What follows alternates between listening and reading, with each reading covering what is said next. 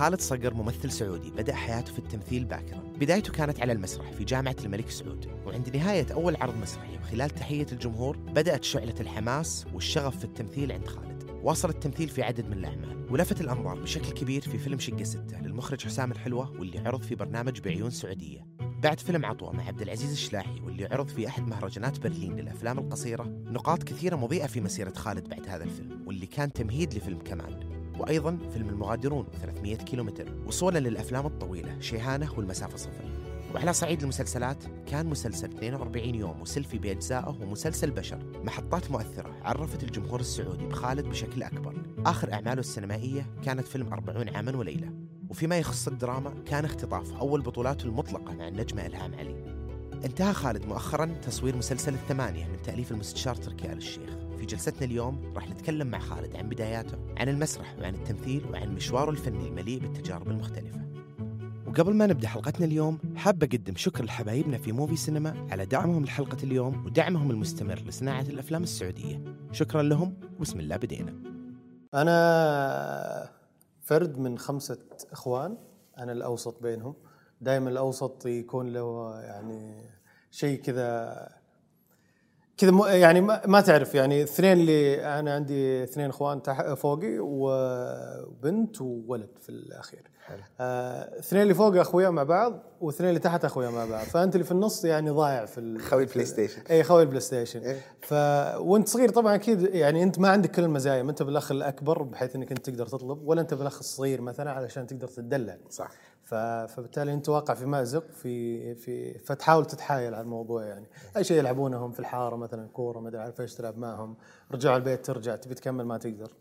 آه ف فهذا هذا هذا وضع في في العائلة تقريبا يعني. تحس مكانك في العائلة آه، أثر على شخصيتك بناها بطريقة معينة؟ لأنك أنت تتكلم مع أخوي أنا زيك. أنا بالنص فوقي ولد بنت تحتي ولد بنت. عظيم. فكنت أسولف مع أخوي الكبير وأختي الكبيرة كيف إنهم هم اللي حقوا على بدايات إيه. طحن حياة أمي وأبوي إيه. بعدين أنا جيت شوي الأمور هدت إخواني الصغار آه، تميم وديم آه، لا يعني أمي وأبوي خلاص كبروا وارتاحوا وإحنا خلاص طلعنا يعني كبرنا صح فكان يعني تربيتهم أسهل إلى حد ما يعني مع إنهم أمي وأبوي كبروا بس أنا بالنص اللي ما جاني الدلع الزايد حق صح. خلاص يعني ما راح أتدخل في أشياء كثيرة وما أحتاجك أنت تسوي معي أشياء كثيرة صح. والكبار كانت عليهم مسؤولية انت تشيل الليلة معي انت تسوي. صح. فأخوي الكبير تسنع مرة. آه، برافو. الكبار تسنعوا إيه، والصغار تدلعوا وأنا وانت جالس. وش قاعد تسوي؟ طيب؟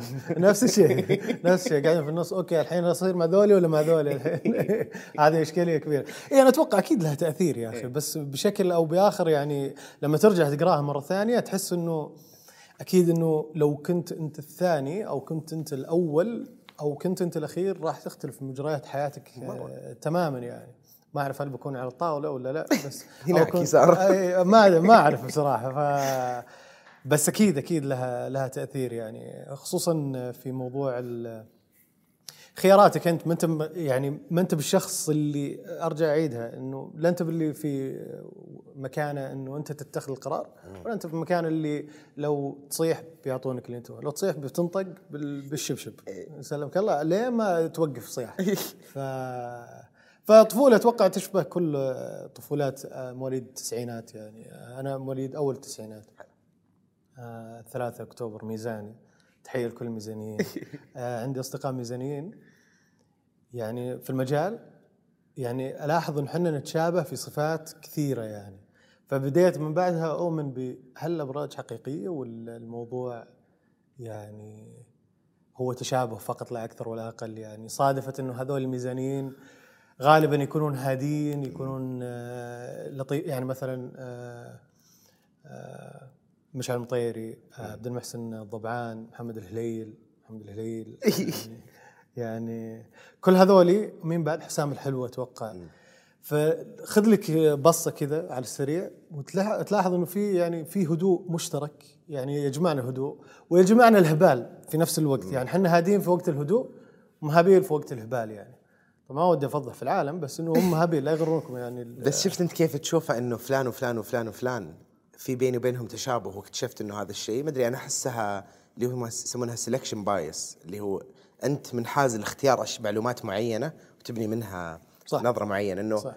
ما حسبت حساب كل الناس الميزانيين اللي ما يشبهونك صح. ولا حسبت حساب الناس اللي يشبهونك اللي مو ميزانيين زي لما حد يقول أمس حلمت بفلان واتصل علي أيه. طب okay أكيد في شيء لا لا طب كم مرة حلمت بأحد وما اتصل عليك؟ صح. كم مرة اتصل عليك أحد ما حلمت فيه؟ أنت تشبه الشخصيه اللي تطلع في الداخل المنطقية العقلانية؟ يا عمي أنت ركز. إذا زي تبي تشتري سيارة يطلع لك إياها في كل مكان. شو والله ولما تدور عليها مثلا ما تلقاها ولا التاكسي ولا هذا. اي صح. يا أخي كل الناس كان الناس كلهم بدأوا يشترون نفس سيارتي. اي اي شريتها بديت تركز والله عليها. العظيم يوم شريت سيارتي ولونها كذا مختلف يعني غريب. كان في اعتراض عائلي على موضوع إنه ليش تشتري لونها لونها أحمر. okay. مو أحمر يعني يعني مايل للحمار يعني بس إنه أح يعني تشوفها حمراء يعني السيارة حمراء. فالوالدة الله يطول بعمرها تقول لي يعني يوم جبت السيارة خلاص يعني شريتها. أخوي الكبير تشاورت معه قلت له بأخذ موتر احمر وزي كذا قال لي ما ودك تأخذ خمس دقايق تفكر. إيه، بيضة رصاصية سوداء على الأقل. قلت لا لا حسيت أنا أول ما دخلت المعرض لقيت لقيت السيارة هذه وشدتني بصراحة فأنا خلاص انتهى الموضوع. يوم جبتها البيت أوريها الوالدة وزي كذا. آه قالت لي كأنك تسرعت يا وليدي شوي. قلت لا يا حبيبتي هذا لونها مختلف مميز صار صار في الحارة عندي واحد نفس سيارتي ونفس هذا واقف في الجهة الثانية فكل ما أمر عليه أضرب بوري حتى لو ما كان موجود أسلم على السيارة بس. إنه كل ما لقيته في الشارع بعد نفس الحكاية يعني. آه كذا تحس في في ناس يشبهونك بس في أماكن مختلفة يعني. وحلوة الأشياء اللي بينك وبين نفسك اللي تقول ما حد داري إني قاعد أسويها بس بسويها. اي اي بالضبط إيه. هذه هذه ممارسات التفريغ الذاتي يعني أنت تعبر عن نفسك بكل أريحية. هذه مرحلة من التصالح الذاتي بصراحة كبيرة جدا. أنا أنا عندي هالشيء بس أنا متصالح إنه مرض نفسي الصراحه أكثر من انه هو شوف لو نبي نتكلم عن المرض النفسي كلنا مرضى نفسيين بصراحة. يعني كلنا فينا مرض بس من في وين؟ قدروا يسيطرون عليه وعرفوا يعني يحدونه يعني يحطونه في سواد كذا وما يطلع إلا شوي. وفي ناس بدأوا يجيبون الناس الثانيين يتكلمون عن امراضهم النفسية مع بعض. بالضبط بالضبط. فكله متبادل يعني. إحنا مرضى يعني بس بشكل محترم ولطيف. ما وصلنا لمرحلة المستشفيات وصلنا لمرحلة الكاميرات نتكلم فيه. ونفرغ طاقتنا قدامه يعني. هذا عكس البوري ترى. قاعدين نوري البوري لكل احد لا بس لا أنا اتكلم عن البشر يعني بشكل عام يعني. لا إحنا هي خاصين من زمان يعني. والله أنا دائما أقول أصلا يعني أشعر إنه الفنانين مو عندهم مشاكل نفسية إنه هم مجانين إلى level يعني مو يعني فنان أغ... كل فنان أي عنده كل حس فني. إي أي أحد عنده حس فني هو عنده مشكلة أساسا.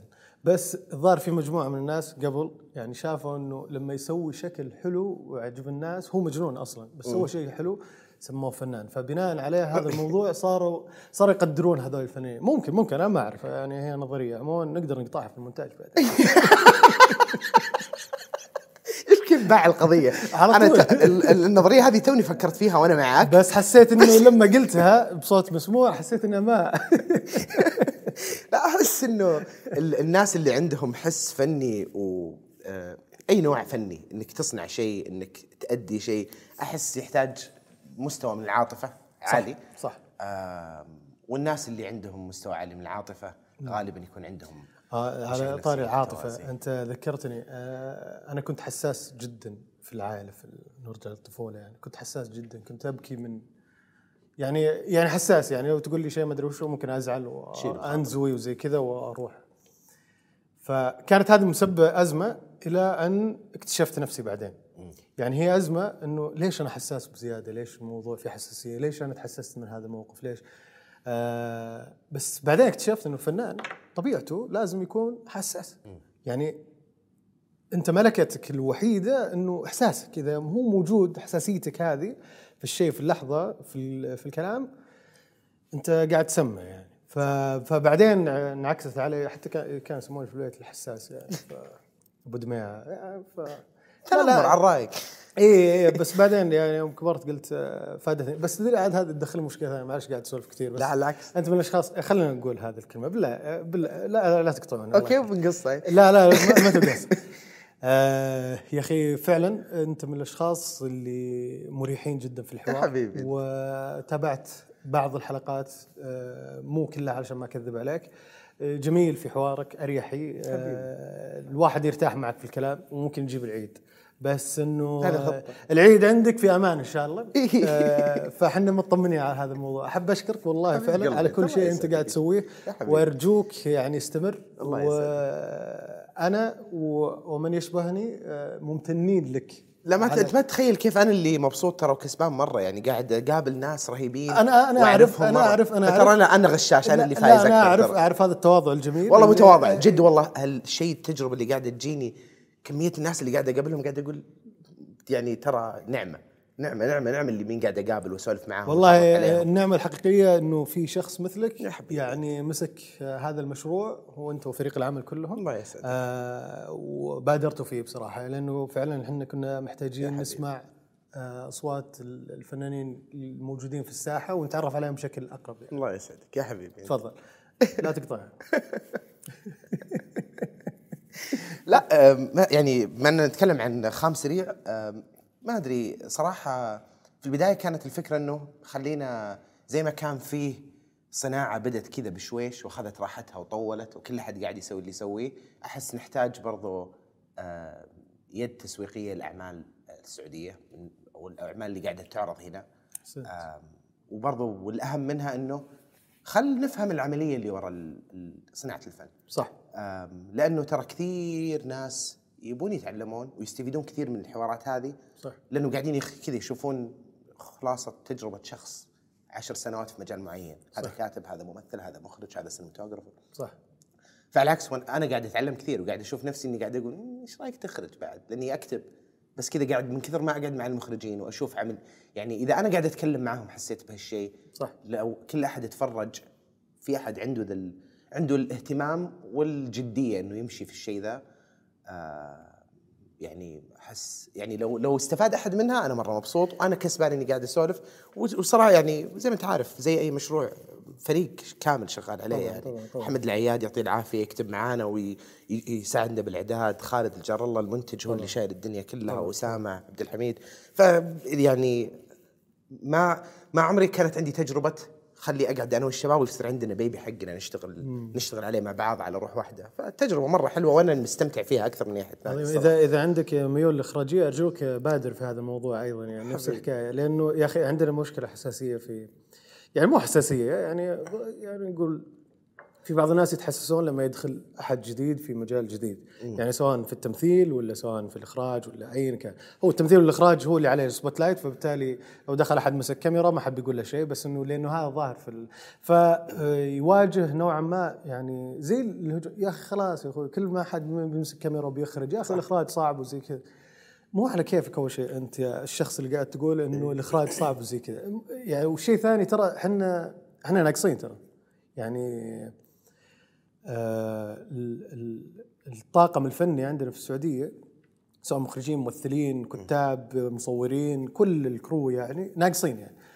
فلا نقفل المجال على الناس اللي حابة تدخل وتخوض تجربة حتى لو فشل فيها يعني يعني الفشل آه، من أجمل الأشياء على الأقل آه، بيكفينا شره. هذا اللي يعني قراوي بكرة لما يخرج فشل فيلمه الله يعطيك العافية قراوي تقدر تريح تقدر تكمل مرة ثانية بس إذا لقيت لك أحد بيغامر معك يعني. فبالتالي أنا مع التجارب بصراحه ومع لا صح. التجارب. لا وما تخيل حتى لو بخرج شيء ما هو لهدف إخراج عمل يظهر للناس. الوسط نفسه وسط الإخراج ال medium إيه. كطريقة للتعبير وتغ- ونقل أفكارك اللي على بالك. يعني مثلا في في الكتابة مختلف تماما عن ال stand up وأنت تعرف يعني مثلت بالمسرح ومثلت بالتلفزيون وقدمت برامج ومثلت أفلام. كل واحدة منها تجربة مختلفة. صح. غالبا التم... طبعا أحس أكثر شيء اللي بينهم فرق كبير واضح هو المسرح والتمثيل ال- على شاشة أو بالكاميرا. صح. الفيدباك اللي يجيك من الناس. صح. كيف انت تعبر عن نفسك الكلام طلعه لما تكتب الأفكار اللي عندك بطريقة معينة أحس الاخراج كوسط. يعني لو أخرج شيء صغير لحالي بدون ميزانية كيف تقدر تحكي قصة؟ خلاص صح. يبدأ مخك يفكر بهالطريقة وهالشيء يكفيني حتى لو ما طلعت عمل. مو هذا هدفي يعني. حتى. ولا عندي الثقة صراحة إني أخرج. بس آه، ما عندك الثقة؟ ما عندي الثقة إني أخرج لأنه آه، لأنه أحترم أحترم آه، ال- ال- الصنعة بشكل كبير يعني. زي ما كثير من الناس يلحقونها عشان أوه مخرج والمخرج آه، عاوز كذا وفكرة أهمية وجود المخرج في العمل بس ما هو ما هو شيء سهل ولازم ينعطى له تفرغ. واحترام ووقته. بس بما إنك أنت تقول إني بجرب شيء قصير وشيء ال- داخل المجال يعني ما بيعرضه للناس إيه. مو لازم تقري جو أبداً، أبداً، إيه. والله جو هيد إذا تبغى ممثل معك. تستهبل؟ أنا يعني أنا أنا فاتح لك هذا الموضوع قاعد أدفك لشغفك علشان أصير ممثل معك. ف... فإذا تبي ممثل فنان أنا الممثل وال agent حقي. أهلا وسهلا. طيب بما ان تكلمنا عن المسرح أنا أعرف إنه الجامعة هي كانت المرحلة الرئيسية للمسرح بحياتك صح. للفن وبداية الفن. بس قبلها آه وقت الطفولة وأنت قاعد آه تكبر زي كل احد ثاني. إيه. هل آه هل كان عندك شغف ال- الأفلام؟ هل كانت تشدك الأفلام والمسلسلات والتلفزيون وال- ولا كان شيء موجود في البيت؟ آه آه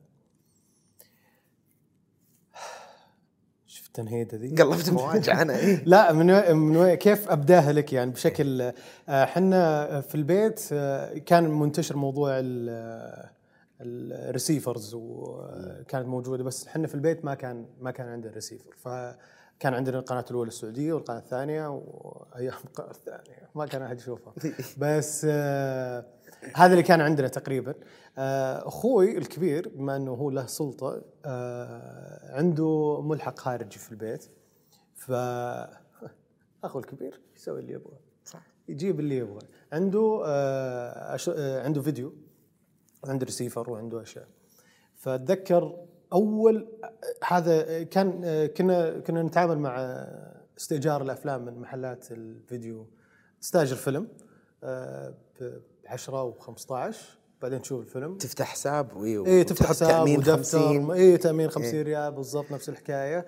فتأخذ الفيلم تشوفه تتفرج عليه ترجعه. إذا نظيف وذا رجع لك بدل لك في الشريط الثاني وهكذا. هلم جرا فأتذكر أول شيء أول شيء أو هذا اللي يعني في ذاكرتي لما أسترجع الموضوع آه مايكل جاكسون كان عنده آه تتذكر هي آه، Thriller؟ Thriller اللي كان آه كان يحط قارش وزومبي يرقصون وما أدري عارف إيش و... هذيك Annie Annie أيوه okay. أيوه okay. أيوه يعني هذه. هي. اي صح كان في اللي لما يدخل على العصابه ويرميها بالضبط هذا Criminal Smooth Criminal بالضبط هذه هي. آه هذا أول شيء شفته.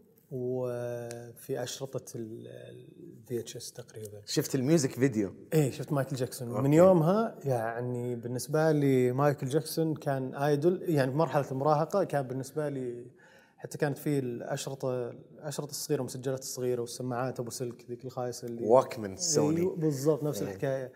يعني كنت اسمع حتى حتى لما كنت أجي أنام أجي أحطه في إذني واسمع مرة صادتني أمي ويعني الله الله لا يوريك إيش صار يعني. قاعد تسمع أغاني وأنت نايم فالموضوع كان مزعج يعني. أخوك قاعد يقول لخالد أيوه أوكي. أيوه بالضبط.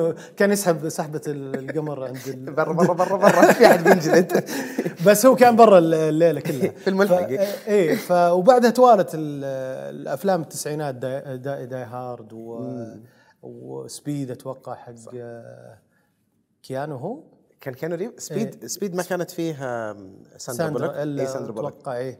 هذه أفلام الأكشن وعلى هبة التسعينات وزي كذا كيف كانت وكيف آه آه إيه وبعدين في مرحلة تقريبا مرحلة المتوسط تقريبا بدا الواحد يستقل شوي بنفسه يعني خلاص صرت كبير أنت الحين فتنعزل من نفسك. كان- فكان عندي PC آه الانترنت كان نعمة عظيمة بصراحة يوريك العالم ال- الخارجي. فكنا كنت أتفرج على أفلام من أنحاء العالم يعني وتشوف الأفلام ال- الجديدة. وكان الشغل الشاغل بصراحة آه، كنت ألعب games بصراحة. كان World of Warcraft World of Warcraft في فترة تلعب WoW. إيه إيه كنت آه، وش ال class حقك؟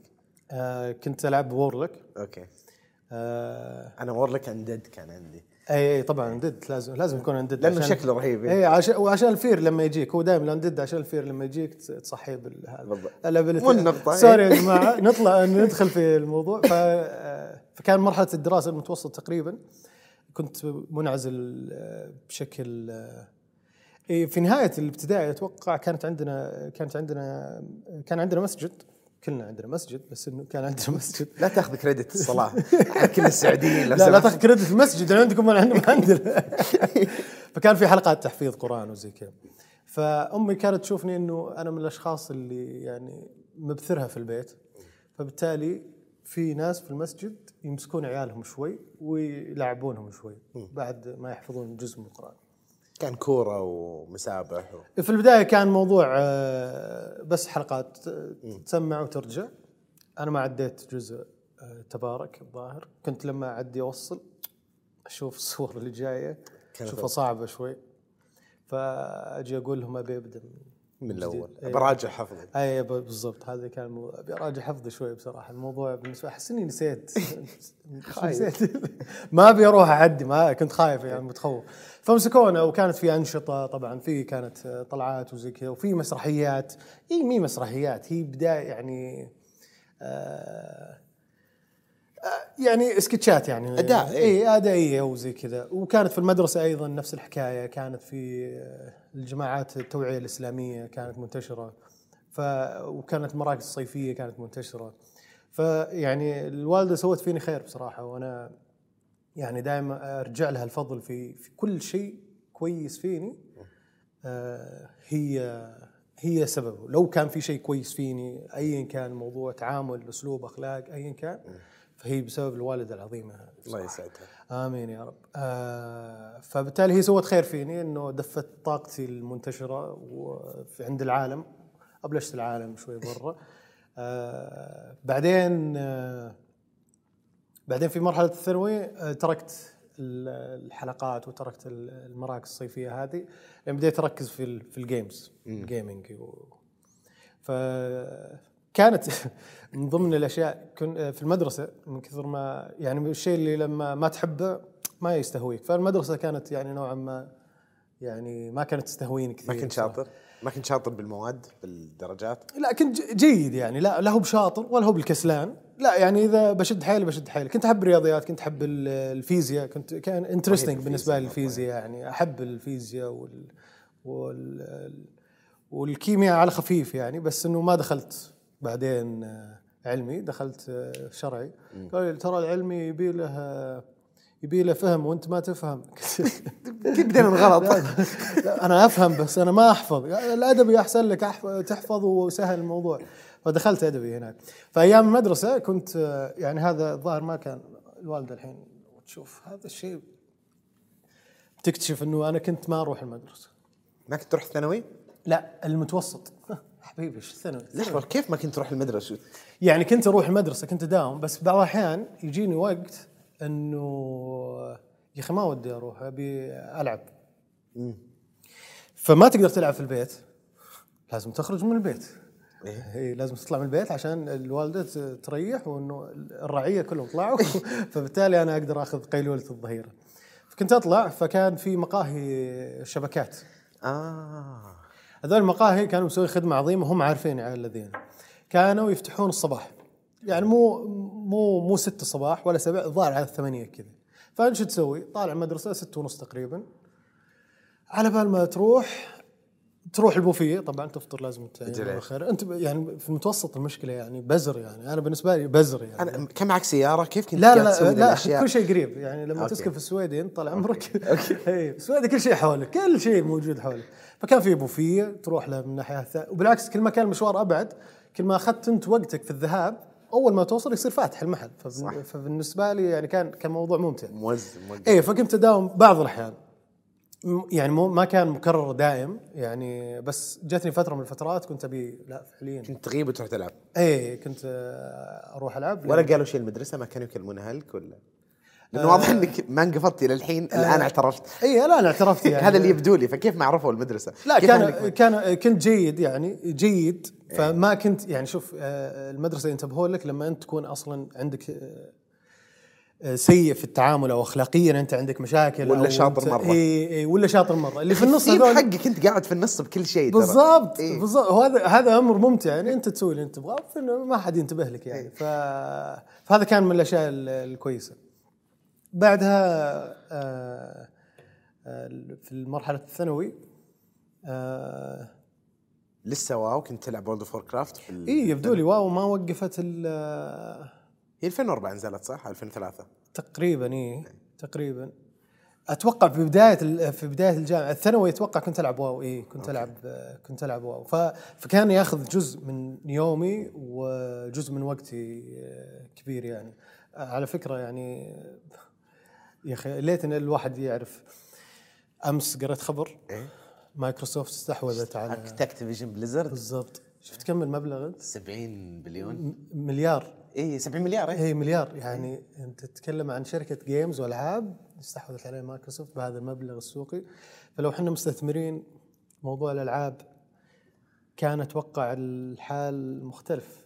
شغالين ترى هنا شغالين على الألعاب. يعني شفت؟ اللي قاعد يصير بالسينما؟ أيوه. متأكد إنه بيصير بالألعاب. والله أنا أدعو الجميع إذا حاب يجرب لعبة معينة ويحتاج أحد يخوض فيها أنا أنا اتبرع بس أنا عندي عندي عندي ميول آه، في الألعاب. في نوعين. في ناس يحبون التوصيل المغامرات القصص في ناس يحبون ال competitive online إيه. إيه الأونلاين آه، تكسير راس. أنا من راعي تكسير راس. أنت تحب أونلاين؟ اي اي اي أحب ال- تكسير الراس لأنه بالنسبة لي هذه يعني okay فيها متعة. ولعبت War of God of War تقريبا آه، لعبت كم لعبة كذا بسيطة Red Dead Redemption. عظيمة يعني بس ما تستهويني كثير أحب اللي والله فيها تحب إيه. تلعب مع حد ثاني أنا إيه. WoW 2004 كان آه، بديتها شوي أنا كنت ألعب اللي قبل Warcraft الاستراتيجي آه طبعا أكيد هذه في الشبكات كنا Reign of Chaos الله. Frozen. Throne Command Conquer لعبتها Command أكيد Conquer. أكيد Command. Red Alert كلهم كلهم. يعني كنت أحب الاستراتيجي. لما راحت ام ام أو ار بي جي لما صارت competitive ما ما قدرت ألعبها بعدين دخلت متأخر في الجامعة. آه. فأذكر سويت ال class حقي وصلت level 10 جبت لي mount خيل آه تن ومروق. لسه تو إيه توني بادي يعني يمكن يومين لعبت قاعد تجمع تفاح. بعدين جاني واحد من العيال آه، قال لي وينك؟ مدري إيش كذا؟ قلت قاعد ألعب WoW. قال لي طب وينك؟ جوا ال game. آه قال لي دقيقة بعدين جاني كذا بتنين level 70 oh shit لا لا لا لا لا لا قلت كم صار لك تلعب؟ قال يعني ست سنوات كذا. قلت ما. أنا توني أجيب الحصان. لا لا لعبت فيها شوي. إيه آه وقف بس وقفتها لا ما ما العب competitive ألعب single player كثير. إيه. كأنها فيلم بالنسبة لي. ال game كأنها فيلم صح صح. أنا يمكن كان لأنه كان اللغة الإنجليزية ما كانت بذاك ال- بذاك القوة. كنت أفهم يعني حتى هذا من من ضمن الأشياء اللي ما كنت أدخل حتى clans آه، في لحالك. اي كنت ألعب آه، so- في أتعرف على واحد العب معاه duel وزي كذا فبعدين أشوف إنه أنت لعيب فتعال آه، ادخل معنا ال- raid. اي وذا أقول له لا ما ما مالي في السواليف هذه. عملون وولف الحالي كت كذا. على الخيل حقك رايح بالور لك يا أبوي ف فهي يمكن يمكن الجاء الموضوع الإنجليزي يعني فهذه كانت ميزة ال- الألعاب اللي فيها قصص وستوري Yes. إذا أنت ما تفهم الإنجليزي ما راح تستمتع بتسوي سكيب لكل المشاهد وميزة الألعاب هذه إنه مشاهد مهمة يعني تعطيك إضافة قصة ال- الستوري حقك الزبدة، طبعاً. إيه. بالضبط ف في الثانوي كنت آه، نفس الكلام كملت عليها بس كان أدبي إيه. وكان في بالك تخصص معين كان بالك شيء بتسويه في الجامعة؟ هل في خطة في حياتك بعدها ولا كان لسه؟ اي هذه في نهاية لا ما كان في خطة في حياتي بصراحة ابدا. بس هذه كانت في نهاية في نهاية الثانوي. أتذكر آه، كنت أتشاور مع الوالدة الله يطول بعمرها. تقول لها إيش رأيك؟ وين نروح؟ وين نجي؟ وش تخصص زي كذا؟ أنا كان في بالي إعلام ما أعرف ليش بصراحة. يمكن. اي كان بالي إعلام. آه فجالس أقول لها إعلام ما إعلام. قالت لي لا والله ما ما أنصحك ما أدري وشو ما هو كويس ما هو بذا. فقالت قالت لي استشر المرشد الطلابي اللي في في المدرسة؟ يعني مرشد طلابي يرشد الطلاب المفروض هذا الفكرة. فهذه في هو اسمه كذا أصلا. فأنت لما تروح له تكون تايه تحتاج أحد. يرشدك. بالضبط. هذه سهله فرحت له سلامك الله كيف حالك؟ بشيك انت طالب أول ولا لا؟ هو يدري مرشد طلابي. بس. لا لا يدري كانت اعذاري كثيرة في فترة بعد. الثانوي وزي كذا فكانت اعذاري واجد. فكان يعرفني هو حتى زين يعني. ف فسألته قلت له يعني بما انه على وجه تخرج الآن. فأنا في بالي إعلام بصراحة يا ابن الحلال إيش لك في الإعلام؟ إيش مالك في الإعلام؟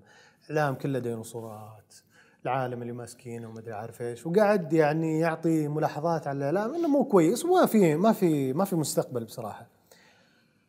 هو في ذيك الفترة كان حق يعني ما كانت في فرص آه، كثيرة يعني في ال- في الإعلام يعني وأتوقع هو ما كان يبيني أروح فهو قاعد يعني عرفت اللي لا مو بزين الإعلام و...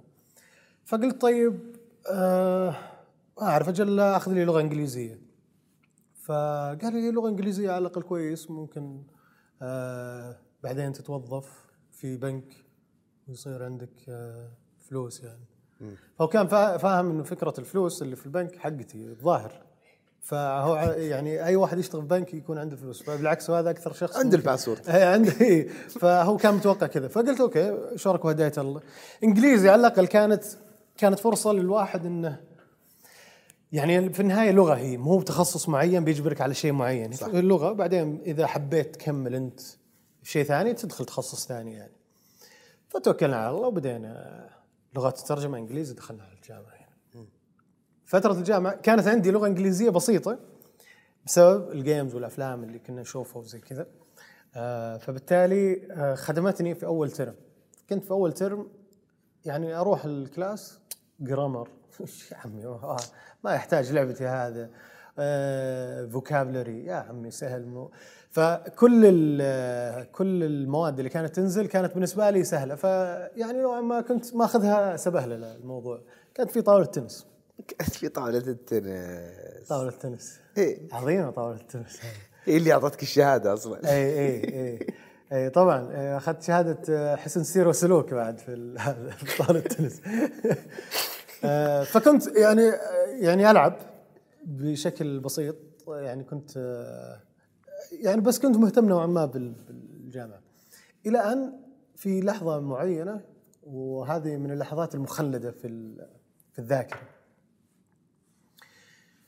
لنا إيه كنا الظاهر في لغات الترجمة آه ما كانت لها كلية خاصة فيها كانت تحت قسم الآداب آه كلية الآداب.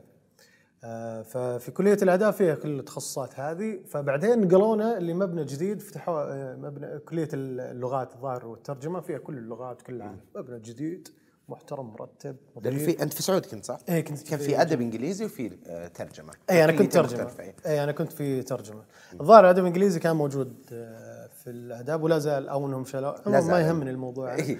آه، فرحنا المبنى الجديد. ففي ذيك الفترة كنت آه، مثل ما أقول لك كنت ألعب تنس. فبعدين لما رحنا المبنى الجديد آه، عادي كنت قاعد أسوي محاضرات. بس في لحظة من اللحظات كنت طالع في كان في بهو أول ما تدخل المبنى الجديد في بهو في على اليمين في مكتب عليه حائط آه، زجاجي كذا. في واحد حاط بوستر. أو حاط كلام آه، ورقة معلق عليها في هل لديك موهبة التمثيل؟ بعدين استفهام في مسافة بعد بين الاستفهام والكلمة ما أتذكر عن إيه. بس أتوقع أنها كانت لازقة لأنه لا زالت الصورة لأنها. تغثني المسافة المرة. لا أتوقع انه كان لازق كان منتبه يعني هل لديك موهبة تمثيل؟ استفهام إذا كانت لديك موهبة تمثيل توجه لقاعة حمد الجاسر في اليوم الفلاني التاريخ الفلاني الساعة الفلانية في ما أدري عارف إيش، في تجارب أداء أو شيء زي كذا المسرح مع المسرح.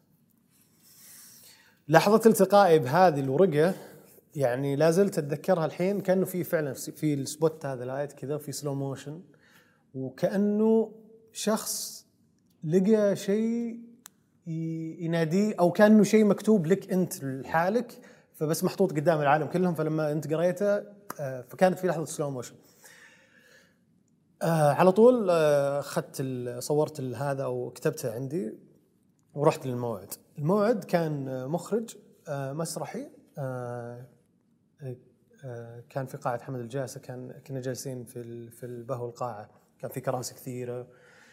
جيت لقيت خمسين شخص تقريبا آه، متواجدين تقريبا قرابة الخمسين شخص. فعدد هائل من الناس المتقدمين لهذه فاليوم شفت الموضوع. طبعا المخرج لما شاف العدد هو انصدم. هو بعدين لما كلمنا وزي كذا يقول أنا مصدوم من العدد الكبير اللي كان جاي. أنا توقعت بيجيني ثلاثة أربعة خمسة. جاني خمسين واحد تقريبا. فبالنسبة لي عاد آه، أخذتها ال- كذا النشوة. وبدأ يتكلم عن المسرح وكيف بدأ المسرح والإغريق وما أدري عارف إيش و- والنصوص المسرحية والأداءات المسرحية. في أثناء حديثه الطويل أنا كنت مستمتع. أشوف في ناس ينسحبون كذا حبة حبة. اوه مو بجونا مو بوضعنا مو بهذا هذا. بيتكلمنا عن المسرح ال- الأكاديمي وكيف بدأ المسرح وكيف نشأ. نبي نضحك. كانت في مسرحيات أتذكر في أيام الجامعة. كانت ضحك و الجوالة صح؟ كان الجوالة. اي الجوالة كانت كان موجود وكان وكان مسمع الجوالة يعني. إيه. كان كانت تنباع واشوفها بكل مكان إيه. بالضبط. فإحنا كنا في المسرح هذا فالناس جايين الظاهر على هذا المسرح بحيث إنه يعني نشارك. فمتوقعين الموضوع أسهل مما يتوقعون. ف المهم بدأ الانسحاب. من بكرة آه، قال خلاص يا جماعة أنا ما أبي أطول عليكم أكثر. قاعد ساعتين. ما أبي أطول عليكم أكثر.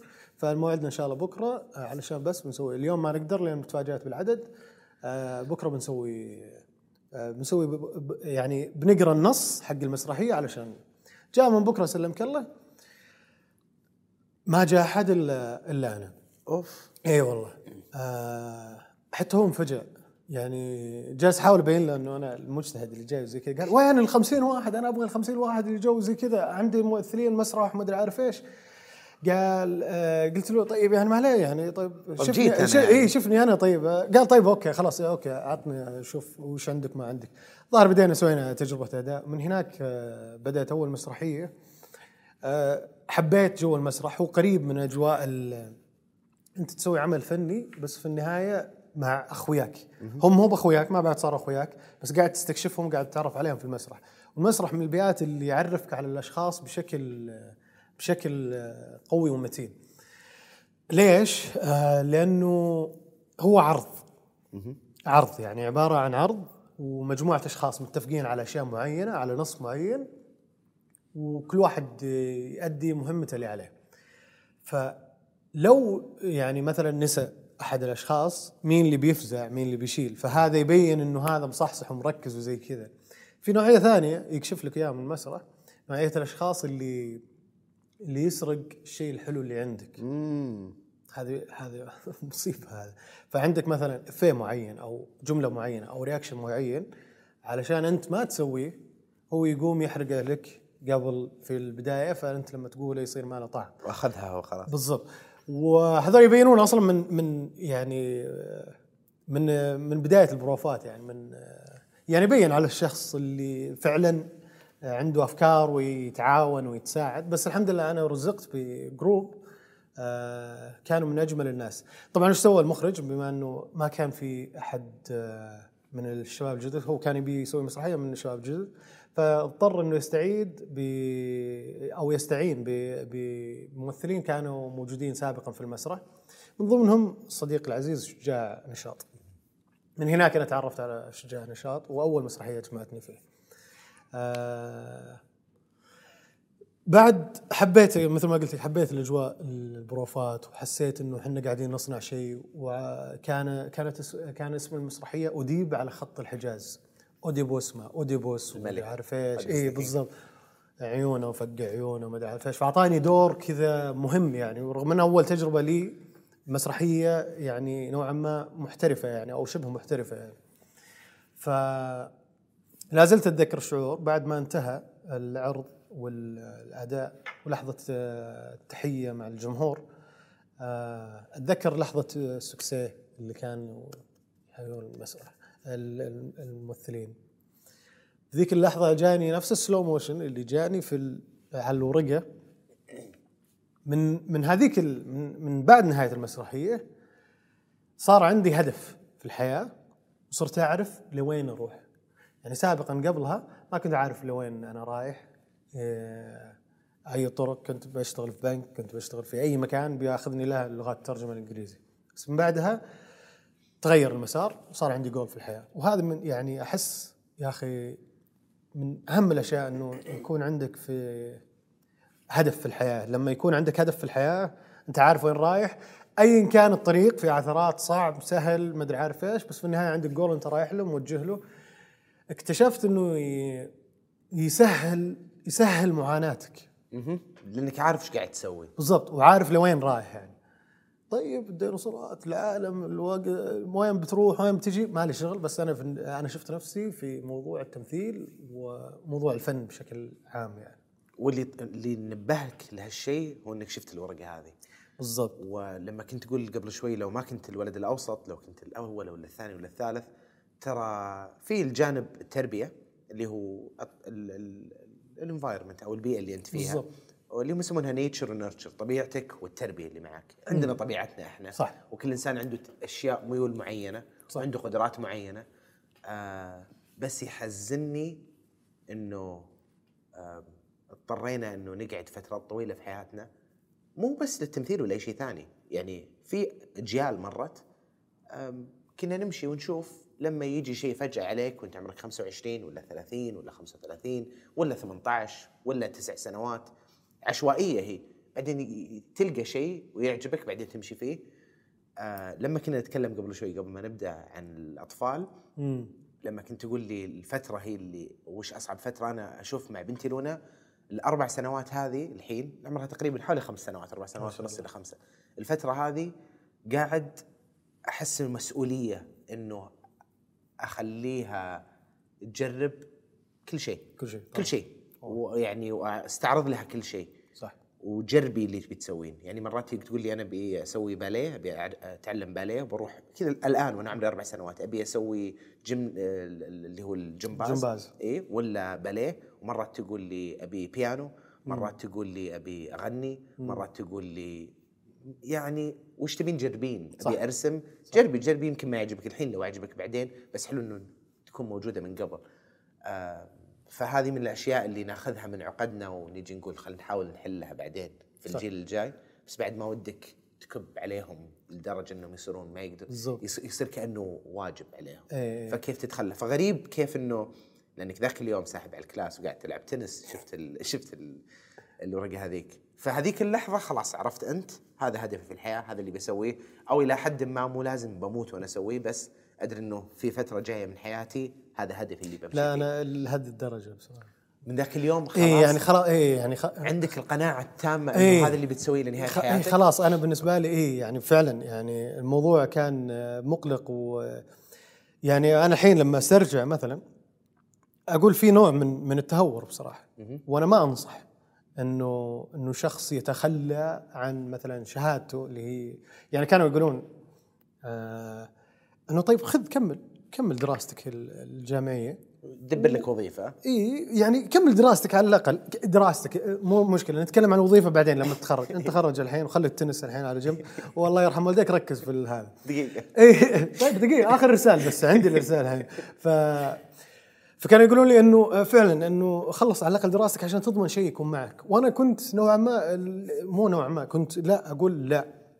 طيب في ذيك الفترة فعليا ما كان فيه غزارة إنتاجية يعني يعني بالمقارنة بالآن الآن في أوف الآن وهي قبل عشر سنوات الآن يا رجل أترك الجامعة وأنا مغمض عيوني بعد. بس هذيك الفترة ما كان في. و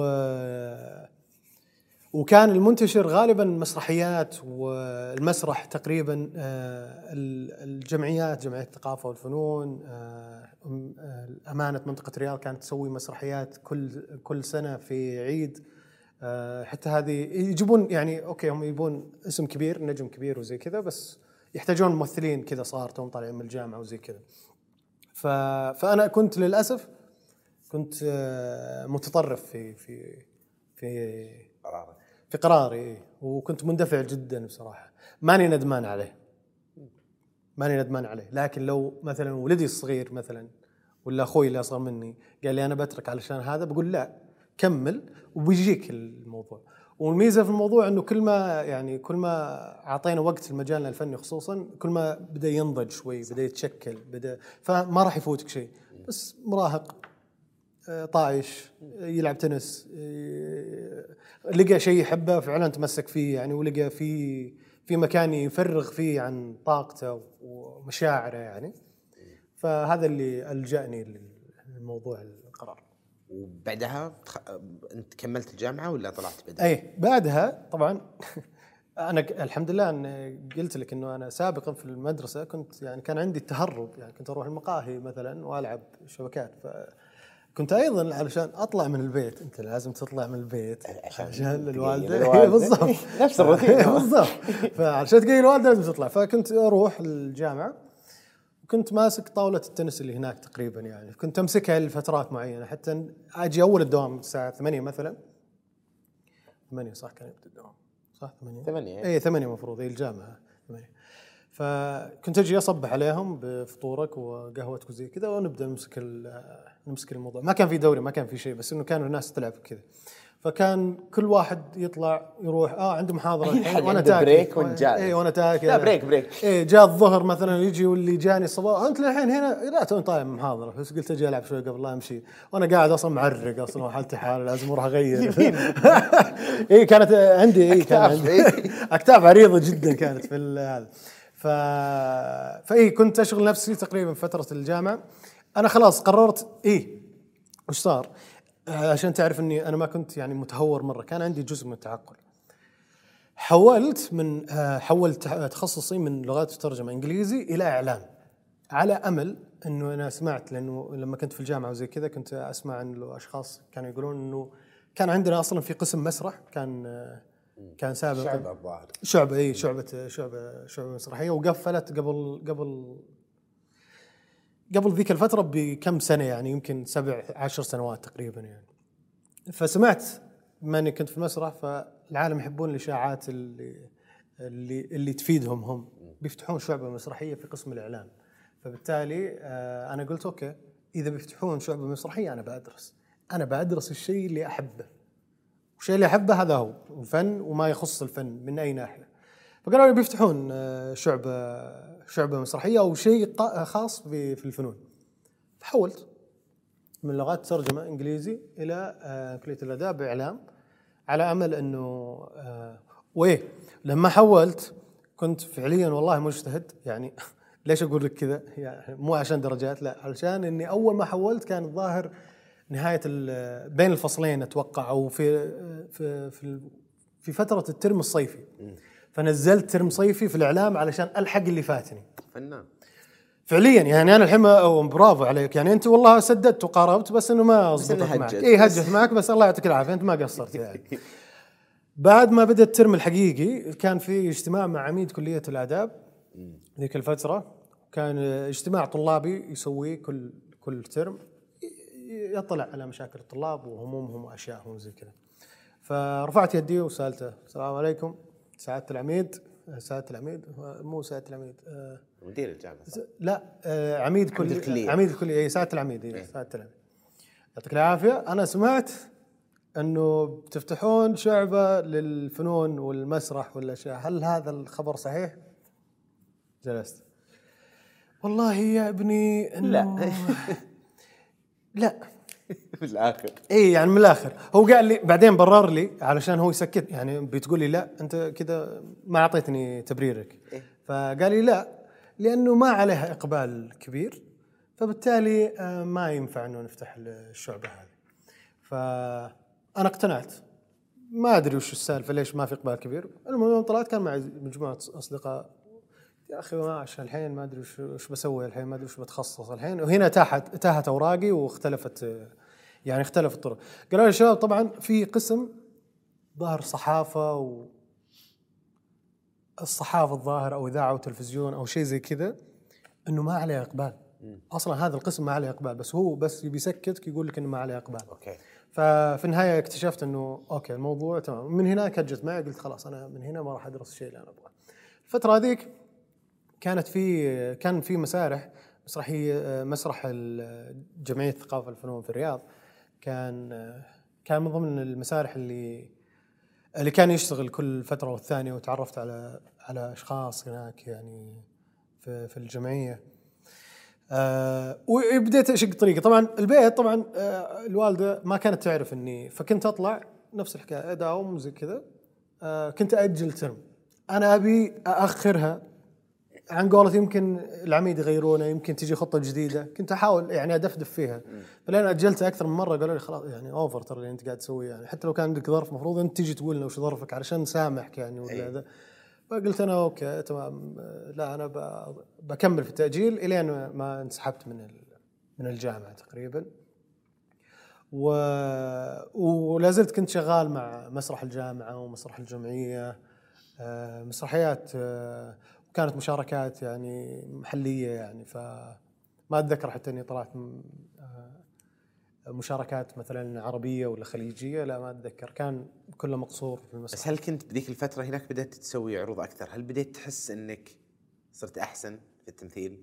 صرت يعني فيه إنك ترتاح للمكان وتروح الرهبة. إيه. بس متى بديت تحس فيه نمو في قدراتك كممثل؟ ولا لسه وقتها كنت كنت قاعد تجرب؟ آه ما أعرف والله. المسرح. إي ما أعرف. أنا بالنسبة لي ما ما ما كنت يعني حتى ما كنت أعرف إنه هل أنا جيد ولا غير جيد. اللي كنت أعرفه إني أنا أحب هذا المكان وأحترمه. يعني أحترم المكان هذا كثير يعني.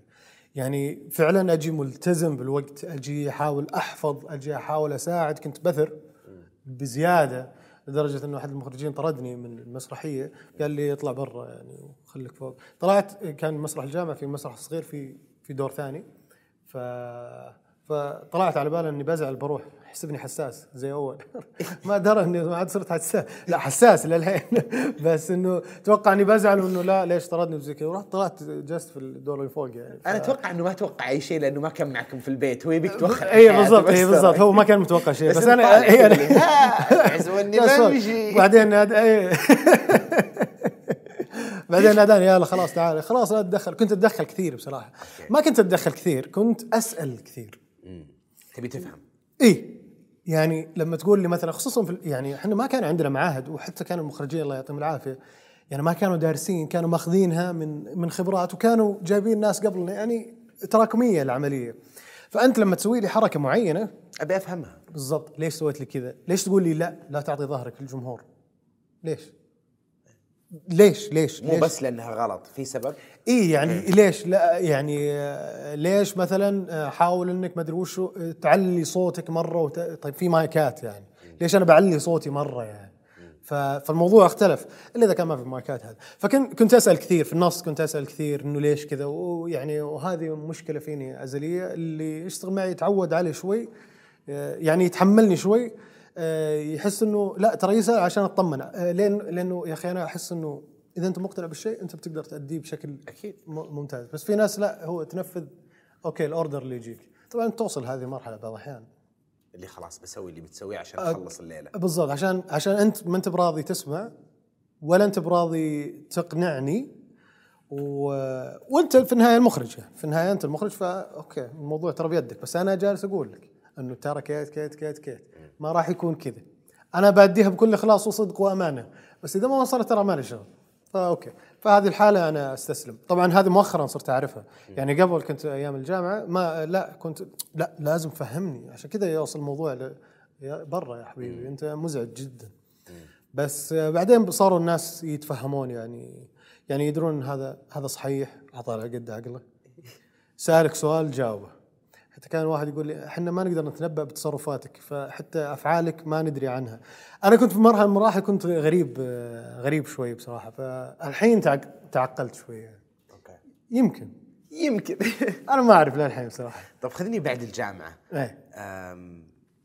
اشتغلت على أفلام قصيرة كان في إعلانات كان في خذني الأول عمل وكيف جاك؟ ومن وين وصل لك؟ عن طريق مين؟ واحد متخرج من الجامعة كيف يقدر يدخل في الصناعة قبل عشر سنوات أو مو متخرج أو ساحب على الجامعة آه يعني إيه يعني مو شرط يعني. اي إيه أكيد بس أقصد إنه بس عشان ما. نحدد يعني. عشان ما نحدد لأنه أعتقد إنه وضح لنا إنك سابني إيه. لا والهام والهام سوت شيء زي كذا إلهام طلع سوتها على الدوام صح؟ إيه إيه. إلهام سوتها على الدوام لما صورنا قالت لي إنه طلعت وبعدين رحت أسوي شيء ثاني. بعدين قلت طيب قدمت استقالتي؟ قالت لا. قلت للحين قالت إيه. اي للحين قاعد تمشي مع شاتها. والناس يسالون تجي الهام توقعون بعد عشر سنوات. آه بعد الجامعة كان آه آه إيه كان في نادي مسرحي. آه كان في مجموعة أشخاص موجودين فيه. هذول النادي المسرحي آه من ضمنهم اللي كان ماسك رئاسة النادي المسرحي الصديق آه راشد راشد محمد الآن هو هو ملحن وعازف وعنده فنان يعني عظيم صراحة. فهو اللي كان ماسك النادي المسرحي. آه، فكان في مجموعة آه، كان عندهم عمل على قناة المجد. هم أبطال العمل فيحتاجون ممثلين كذا يجون حلقة حلقتين. يجي يطلع ويروح وزي كذا. فقالوا لي إيش رأيك تشارك معنا تجربة تلفزيونية؟ ما أعرف إذا كانت هذه أول تجربة أول إعلان أول تجربة أو في مسلسل ثاني أو والله ما أتذكر بس يبدو لي إن هذه أول تجربة. آه رحت و إي عن, عن طريق المعارف يعني عن طريق الناس اللي قاعد تشتغل هم اللي هم اللي يعني يدلونك على المكان. آه على المكان اللي أنت تشتغل فيه. فلما رحت آه الآن قاعد أشوف قبل فترة جاني فضول إنه وين كنت وإيش صرت الحين؟ هل في فرق ولا ما في فرق؟ طلع الموضوع يفشل يا أخي.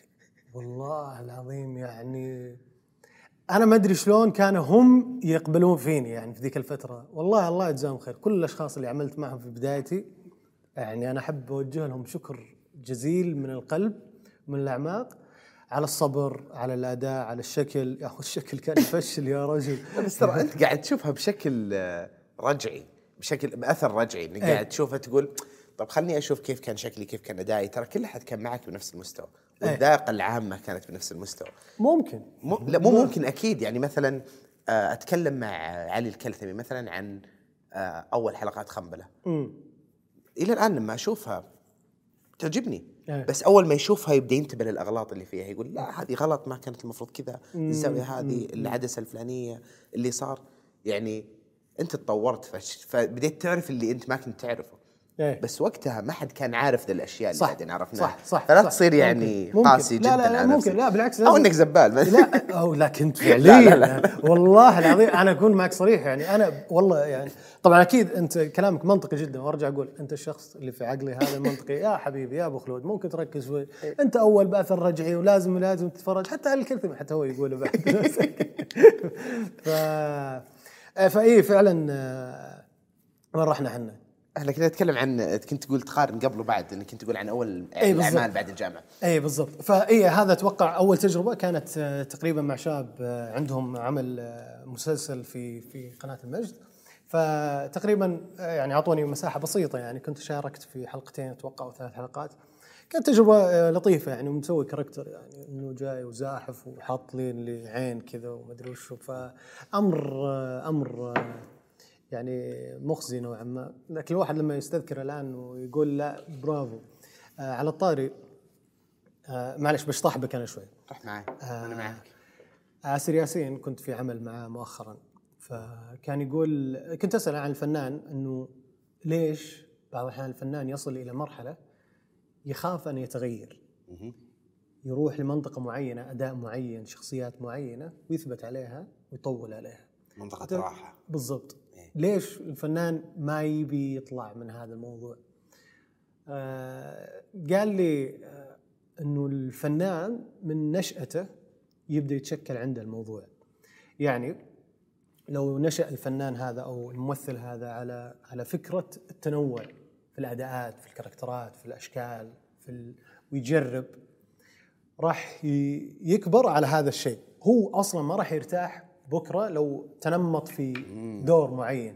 لكن لا التأسيس اي يعني. في ال في ال على فكرة حتى حتى التنوع قد يكون في التنوع نفسه. يعني قد يكون منطقة الراحة عندك ال- اللي هي ال characters مثلا زي جوني ديب مثلا يعني. جوني ديب هو يعني ما يطلع لك ب style ه هو style ه هذا style بس إنه حلو الفنان يكون متنوع وي ويجرب في مناطق حتى لو ما حتى لو ما نجح فيها. بالنسبة لي إحنا قاعدين نخوض أشياء آه يعني قاعدين نستمتع وقاعدين نمارس حياة أشخاص آخرين آه قدام الكاميرات يعني هل كان عندك ذا الشعور من أيام المسرح ولا كان مختلف؟ لا، يعني لا. أكيد لأنك أنت مرة تغيرت كثير في تناول كل شخصية لما يجيك دور ما هي بس خلاص لا يعني لما بديت تتعمق أكثر واشتغلت يعني انت انت أنت قفزت من السن من المسرح إلى السينما بشكل سريع. ما طولت في المسرح. في ناس كثير قاعدة فترة طويلة في المسرح. صح. وحياتهم كلها في المسرح. صح. فانت عندك الجانب المسرحي بس برضو بديت تبني شخصيات وبديت تشتغل عليها. فهل هذا الشعور كان موجود معك من زمان ولا بدأ يطلع لك من قريب؟ لا لا لا لا لا لا, أكيد ما كان عندي. أنا كنت فقط آه، يعني أحب شيء وقاعد أحاول آه، أسويه على أفضل طريقة ممكنة في ذاك الوقت. أوكي. فما ما كان عندي الوعي ولا كان كنت بالعكس درعم يا ذيبان يعني. حتى كان حتى الفرص اللي كانت تجي يعني. آه، ما كانت تجي ب...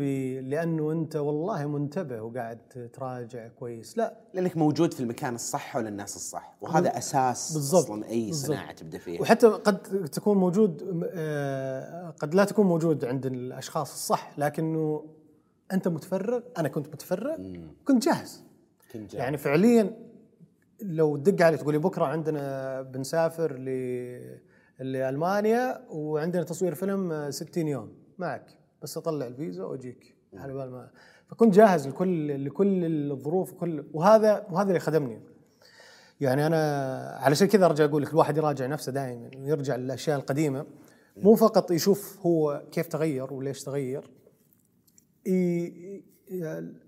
بعض الاحيان أنت تحتاج تستمد طاقتك و آه، خصوصا لما تمر في مراحل تحس إنك آه، فيها فيها فيها هدوء فيها نزول شوي ما فيها مرحلة عالية من العمل وزي كذا تحتاج تستعيد الشخص اللي كان تحتاج آه، تشوف الفنان اللي بدأ بدأ فيه قبل عشر سنوات علشان تسوي إعادة شحن بس للشيء. كيف كان يحس وقتها؟ بالضبط. سيء وتقعد تجلد نفسك وزي كذا بس إنه ترى كان كان يحب عمله كان يحب كان في حماس. كان إيه بالضبط. مو لما تكبر ولما يكبر اسمك شوي يعني تبدأ تقول وما أدري عارف إيش. لا, لا لا زلت أنت هذاك. وأنا بالنسبة لي الفنان مهما وصل عمرا فنيا ولا حتى عمريا يعني إنه يتعلم في كل مرة وفي كل تجربة وفي كل رحلة ومن أبسط الأشخاص الموجودين سواء في اللوكيشن ولا في الحياة. لأنه إحنا مستمدين هذه هذه الأشياء من من الناس من الحياة من صح. من الطبيعة يعني. بس حسيت وقتها أنت آه، إنك تحتاج تتعلم التمثيل بشكل أكاديمي لأنك رحت نيويورك فيلم اكاديمي صح. وش اللي خلاك تروح هناك؟ طيب آه قبل في الجامعة آه كنت أحاول آه كنت أحاول كانت في ذيك الأيام كانت في بعثات كانوا في ناس يدرسون برا آه تمثيل وأشياء بعدين لما كنت أسأل كانوا يقولون إنه إحنا ندرس على حسابنا في البداية وبعدين نحول البعثه يلتحقون. أو إنه يروح بتخصص معين ويغير التخصص حقه هناك. فبالتالي آه، كان الموضوع بالنسبة لي صعب ما كنت أقدر يعني أتحمل ماديا. إيوه وأنا كنت أدبي. فالأدبي الظاهر الظاهر يمكن ما غلطان إنه ما يقدر يطلع بعثه والله؟ الظاهر. أوكي. الظاهر. ظاهر فا أو ان هذا عذر كنت سكت فيه نفسي. عموما أنا ما كنت أقدر أصلا ما كنت قادر أصلا في هذا الموضوع ما كنت أقدر أسافر. آه، فكنت كنت أحاول يعني أوكي الموضوع صعب. أنا كنت أبيها من البعثة نفسها هم يتكفلون فيني يشيلوني يحطوني هناك وأنا بدرعم هناك بس ما كنت قادر. آه، قبل أدخل نيويورك فيلم اكاديمي في الجامعة كنت آه، كان في أيضا نادي للسينما. وكان في ال- كان رئيسه آه، فهد التميمي آه الله يذكره بالخير. آه ما كان فيه ما كان فيه فعاليات ما كان فيه أو كان فيه فعاليات أنا ناسي بس ما أتذكر. عموما كان في نادي للسينما وجمعنا الرجل الطيب هذا أنا ومجموعة من الأشخاص قالوا قالوا لنا في مسابقة على مستوى جامعات السعودية محتاجين أفلام وثائقية يخرجونها شباب. إحنا بنتكفل بالموضوع و وإيه بنعطيكم المعدات وأنتم سووا انت كان عندك وسووا- تجربة مساعد مخرج في الجامعة اشتغلتها؟ اي بالضبط. بعدين هنا تبي تخرج شيء. اي صح. آه خليني أكمل لك هنا وبعدين أرجع. ولا أكمل لك هنا و... لا لا كمل معي بس أنا أقصد إنه ما هو شيء جديد عليك. يعني دخلت فيها. اي آه، كنت مساعد مخرج. بالضبط. تعلمت الأشياء بال- والحين تجربة إنك تطبق. وتسوي فيلم وثائقي بالضبط. اي اي آه اي فكان آه اي آه كنت آه كنت مساعد مخرج فقال لنا إنه عندنا مجموعة أفلام وكل واحد ياخذ له فكرة و آه ويخرجها بالطريقة اللي هو شايفها ويسويها لنا الفيلم. فأنا قاعد أفكر اسم الفيلم 24 ساعة في حياة طالب جامعي. فكرة بسيطة جدا يعني أنا بالنسبة لي رحت لل- لل simple يعني GoPro وتمشى كل لا. مو GoPro كانت كا... فعلا هو هو- هي هو مو GoPro بس إنه كانت كاميرا فعلا يبدأ من أول صباحه من من اللحاف من منظوره؟ هو إي من منظوره. آه. حلو. يصحى اللحاف يروح يغسل ويطلع زحمة الرياض زحمة الطريق ودخل المحاضرة ويطلع من المحاضرة ويروح عند اخوياه وما أدري عارف إيش لين ما يرجع مرة ثانية يتغطى باللحاف هذه قفلة الفيلم كانت كذا. يعني أكثر شيء عجبني ال- الافتتاحية والقفلة بس أوه نو برافو علي فنان إيش هذا؟ عظيم مبدع أنت. ف فالحمد لله انه نجح أو فاز الفيلم من من عشرة افلام على مستوى ال- ال- السعودية على الجامعات السعودية مهرجان جامعي ما أدري وش فالمهم إنه فاز بجائزة من هذا وأنا الوحيد من ضمن المجموعة اللي فاز بالجائزه. ما لفتني هذا الموضوع إنه أوه في داخلك مخرج ممكن يطلع زي كذا. لا لا أنا لازلت مكمل في الموضوع إني أبي أمثل أنا أصلا. أنا أصلا لو ما كنت شايل الكاميرا كان ممكن ما أستهواني الفيلم بس يمكن هذه أك أفضل أفضل طريقة. من منظورك اي. بالضبط. قاعد أمثل أنا بس شايل الكاميرا. فكان ممتع بالنسبة لي. آه نيويورك فيلم أكاديمي أخذت فيها آه فيها كورس آه صناعة أفلام. هو كورس مكثف أو دبلوم مكثف يسمونه 30 يوم تقريبا. كان أتذكر والله كان كان ب ألف. وهذا مبلغ بالنسبة لي أنا ذيك الوقت للحين بصراحة. آه كان بسيط إيه، ما هو مبلغ بسيط إيه. على طالع واحد. اي وخصوصا إنك كنت تاخذ فلوسك من آه، يعني المسرحيات ما أتذكر كان فيها فلوس كثيرة حتى لو كان فيها فلوس أو ما كان فيها فلوس. آه، كان في إعلانات وأشياء كذا بسيطة يعني بس إنه هذا المبلغ إنك تدفعه على على فيها سفر وفيها روح وفيها جية وفيها إقامة حتى الإقامة عليك يعني. ف ألف هذه الرسوم وانت تتحمل. فوق هالإقامة. فأنا كنت الممثل الوحيد اللي ما بين صناع أفلام. جاي من آه، بلدان عربية كثيرة.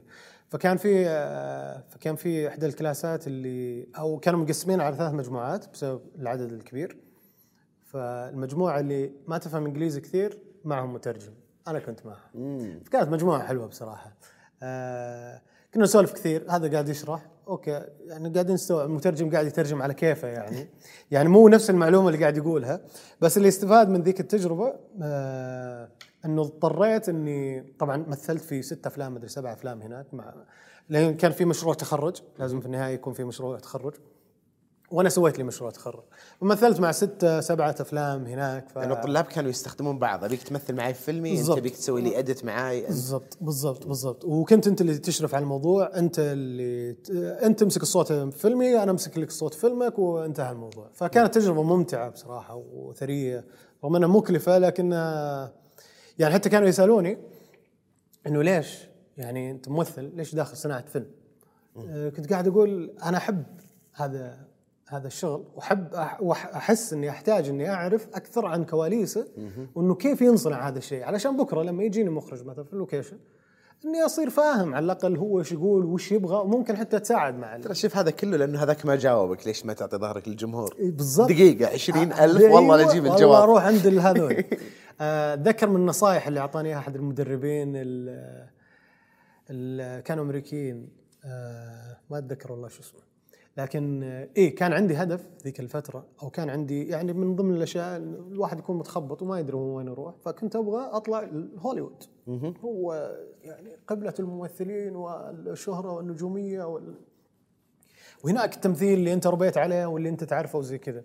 فكنت أقول له يا أخي أنا أبغى أطلع برا وأبي أمثل في هوليوود. قال لي ليش تبي تطلع برا؟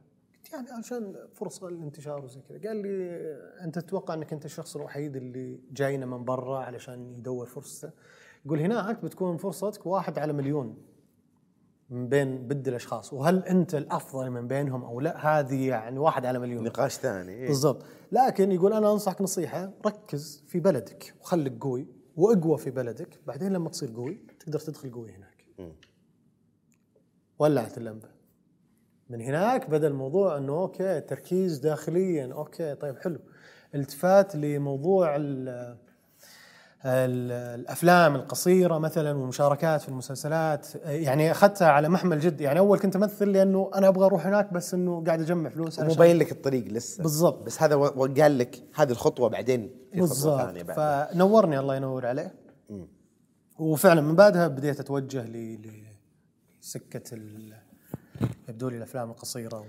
بس قبل ما تروح أنت كان عندك مسلسل هندستاني إيه. آه وكان عندك آه عطوة بعد مع عبد العزيز الشلاحي. إيه. هذه قبل فأنت رايح أصلا عندك خبرة تمثيلية وهندستاني كان في الهند وجلست يعني جربت تجربة الست الكبيرة مع فريق عمل كبير.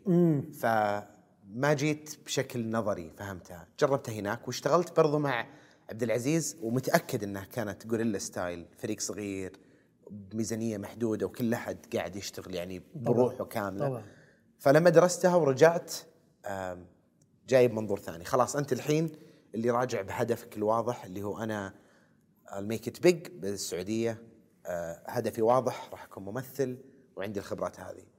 هل كنت رايح تدور على أدوار معينة ولا لسه إلى الآن؟ خليني أشوف وش اللي قاعد يصير لأنه عطوة أخذت عليه أنت. خلاص وقتها عرفت عطوه أي. أخذت عليه آه، جائزة أفضل ممثل صح مهرجان الافلام في السعوديه مهرجان لا مو أفلام السعوديه مهرجان الشباب ال- للافلام أتوقع وقيم في جدة يعني آه okay فكان في مهرجان فترة في في ذيك الفترة يعني وأخذنا عليه بس آه، اي لا عطوة ما فزنا عليه آه، وأيضا فازوا أفضل فيلم بمهرجان الشباب للافلام okay ما هو السعودية. الافلام السعوديه لا. عفوا فلما رجعت لسه عندك علاقة مع عبد العزيز الشلاحي إيه. قلت لي كان فيه فيلم كمان اشتغلتوا عليه حكيني عنه. إيه. آه فيلم كمان آه من أحب الأفلام بصراحة. آه قريب جدا كذا قلبي أنا والعبد العزيز أيضا نفس الحكاية. آه كنا مشاركين في بعطوه في مهرجان في برلين. ما أعرف آه ما أتذكر اسم ال- ال- المهرجان لكن كنا مشاركين على في المسابقة يعني. آه فحنا هنا قاعدين نفكر آه قاعدين آه قاعدين آه، كان كانت في الشقه اللي صورنا فيها ال- الفيلم هي نفس الشقة اللي طلعت فيها الفكرة. فقلنا طلعنا بفكرة إنه شخص آه متدين نوعا ما آه ما يسمع موسيقى آه سافر إلى بعثة في الخارج ولقى من ضمن الأشياء الموجودة في الشقة كسوفونير كذكريات آلة كمان. فهو عنده مشكلة مع آلة الكمان. طبعا ما طلعت الفكرة كذا بالوضوح هذا بس إنه آه، طلعت هناك الفكرة. فجينا بعد سنة وصورنا إيه. يا أخي آه، بعد سنة رجعنا علشان نصور فيلم كمان. ما لقينا اللوكيشن الشقة اللي كنا نبغى نصور فيها كانت محجوزة الفترة اللي إحنا مسافرين فيها. فصورنا في مكان آخر. وجبنا ممثلة كان معنا ممثلات واستعنا فيها من برا يعني من هناك. صورنا جزء بسيط من الفيلم يمكن يوم أو يومين. بعدين عبد العزيز جالس يقول ترى الموضوع ما هو ما يعني ما ما هو باللي في البال ترى.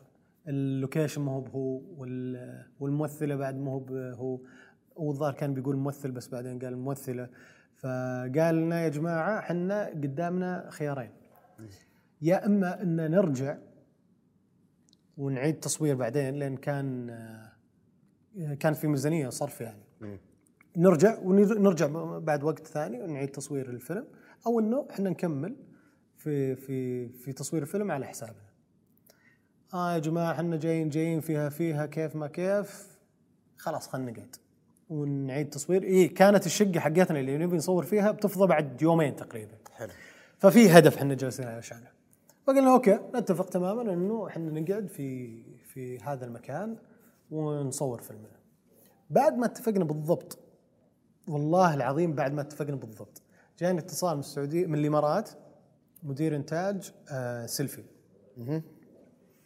كان يقول لي آه آه شلونك شو أخبارك؟ كان يعرفني طبعا سابقا علشان كنا اشتغلنا مع بعض في هندستاني وشي زي كذا فكان يقول آه شلونك خالد شو أخبارك؟ عندنا تصوير سيلفي وزي كذا وحلقات ومدري وشو محتاجينك تكون موجود الأسبوع الجاي. أنا المشكلة توني ما إي توك موافق على الفيلم توني؟ موافق على الفكرة لهذا الآن لما رجعت لها مرة ثانية كان بإمكاني أقدر ذيك الفترة إني أقول لعبد العزيز إنه لا خلاص أنا جتني فرصة عمل مسلسل بيعطوني فلوس عليها بصراحة. و... وأنا محتاج أعيش وأنا هنا قاعد أصرف من من جيبي يعني. فكان بإمكاني أقول لك كذا بس ما أعرف ليش كان آه، عندي التزام بال... بكلمتي ذيك الفترة. خلاص وافقنا وافقنا. وقلت له هذا الموضوع. قال إن شاء الله معوض خير إن شاء الله وزي كذا. فعلا يعني الفيلم فاز في أفضل فيلم واخذت تنويه أنا في م- مهرجان أفلام السعودية ما كان فيه ما كانت فيه جوائز للممثلين. فكان مسعود أمر الله الله يذكره بالخير هو اللي نوه عن الشهادة التقديرية للفيلم كمان يعني باسمي يعني. ف وكنت آه إيه ما كنت حاضر للأسف علشان أتكرم كنت أصور. لأن مهرجان افلام السعودية احبه أنا كثير.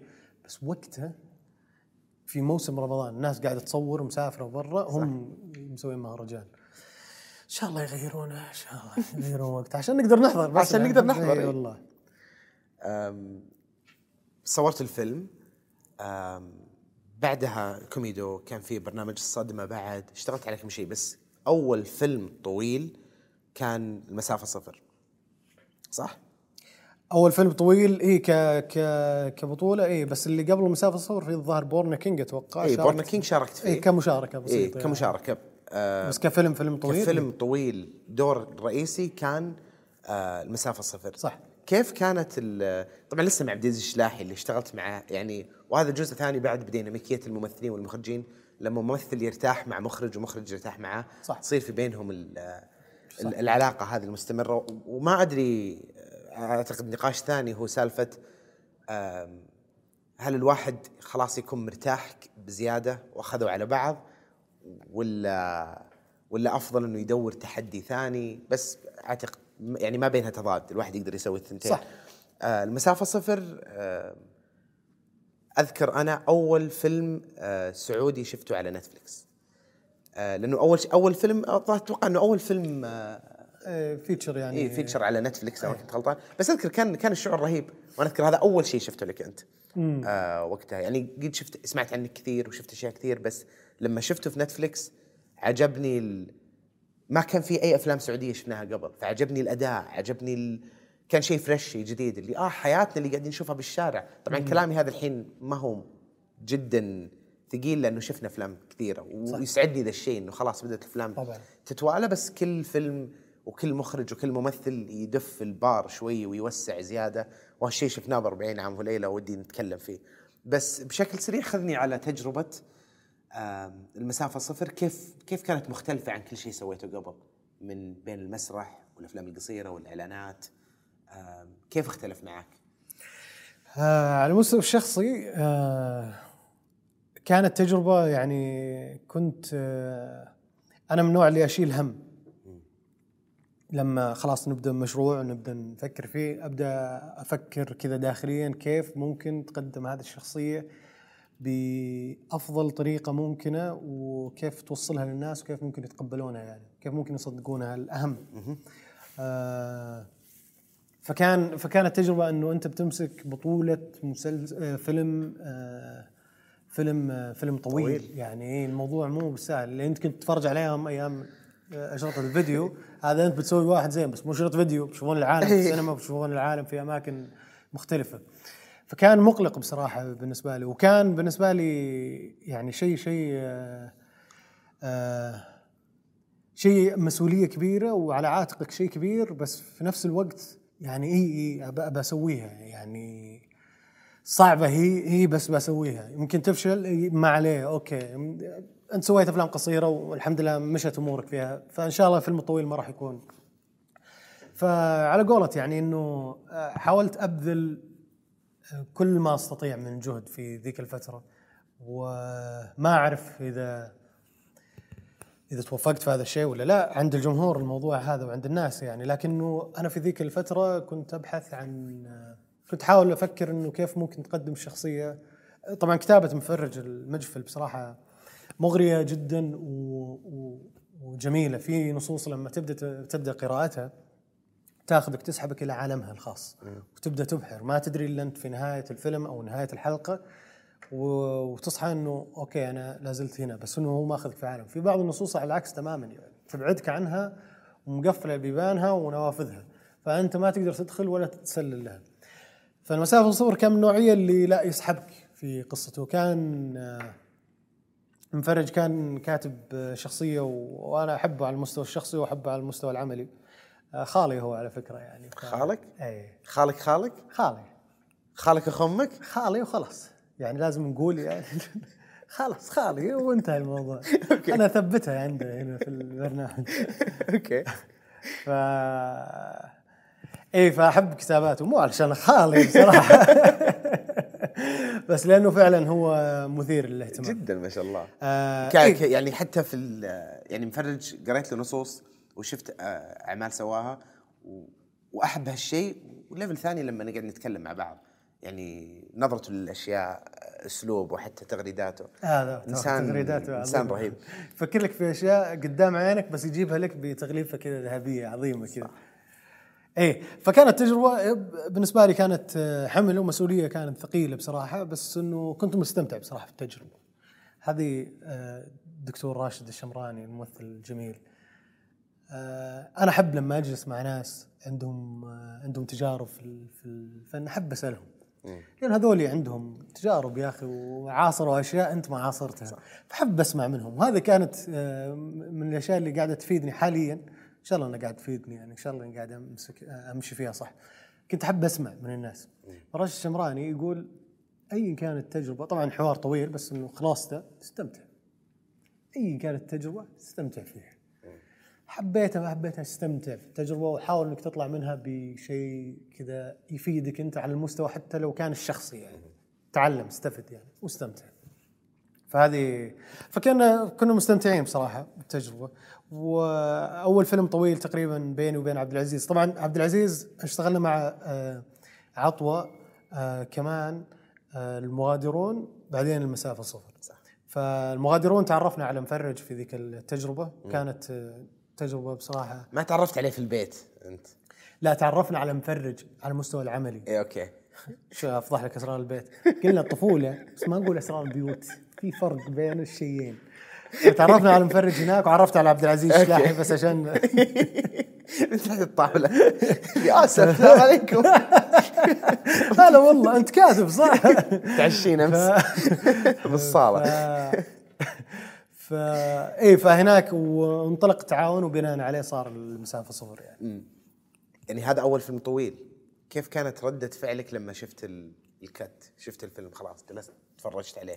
إنك أنت شايل كنت ساعة ونص تقريبا أو أكثر حوالي ساعة. لا لا أقل ساعة وربع. ساعة وربع. اي بس لسه أنت شايل ساعة وربع من منظورك.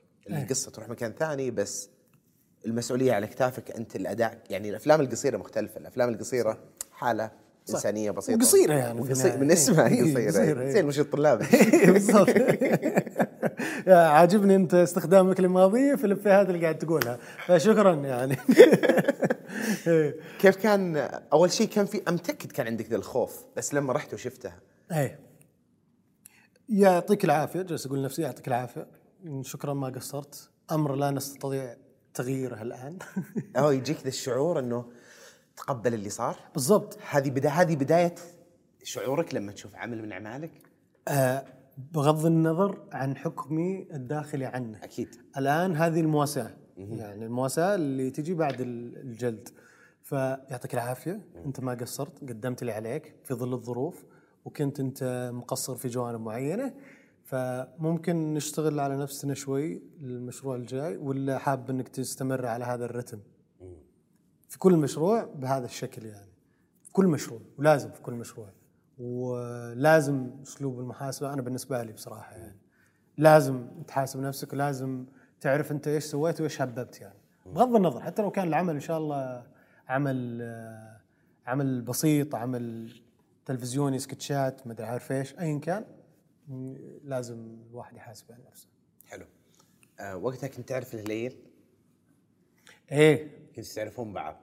إيه في, في أي وقت بس آه، بعد ما خلصت آه 40 عام ليله كنتوا عارفين بعض؟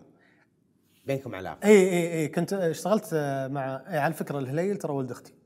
تستهبل أنت. لا لا لا بس حسيت إنه بتصير منا- مناسبة لو قلتها يعني. لا لا. نهاية كل فيديو أنا نطلع اخوان إيه، واضحه شامة من هنا. لا الهليل أعده مثل أخوي الصغير بصراحة. والهليل اشتغلت معه في 300 كيلو متر صح؟ اشتغلت 300 كيلو متر صح. فيلم قصير. وشاركنا فيه مهرجان وفاز الفيلم وفزت أنا أيضا على أفضل أداء تقريبا. هذا اللي فزت عليه في أفضل في, في مهرجان أفلام السعوديه إيه. تقريبا. ف إيه الهليل الهليل يا أخي يا أخي ما ودي أمدحه علشان كل العالم اللي هنا مدحوه يعني وهو يعني يكفيه من المدح ما جاء ويستاهل. وزيادة يعني. بس آه، لا لا لا. لا كنت يعني يا أخوك الصغير فلازم تنتبه له يعني وتعرف يعني.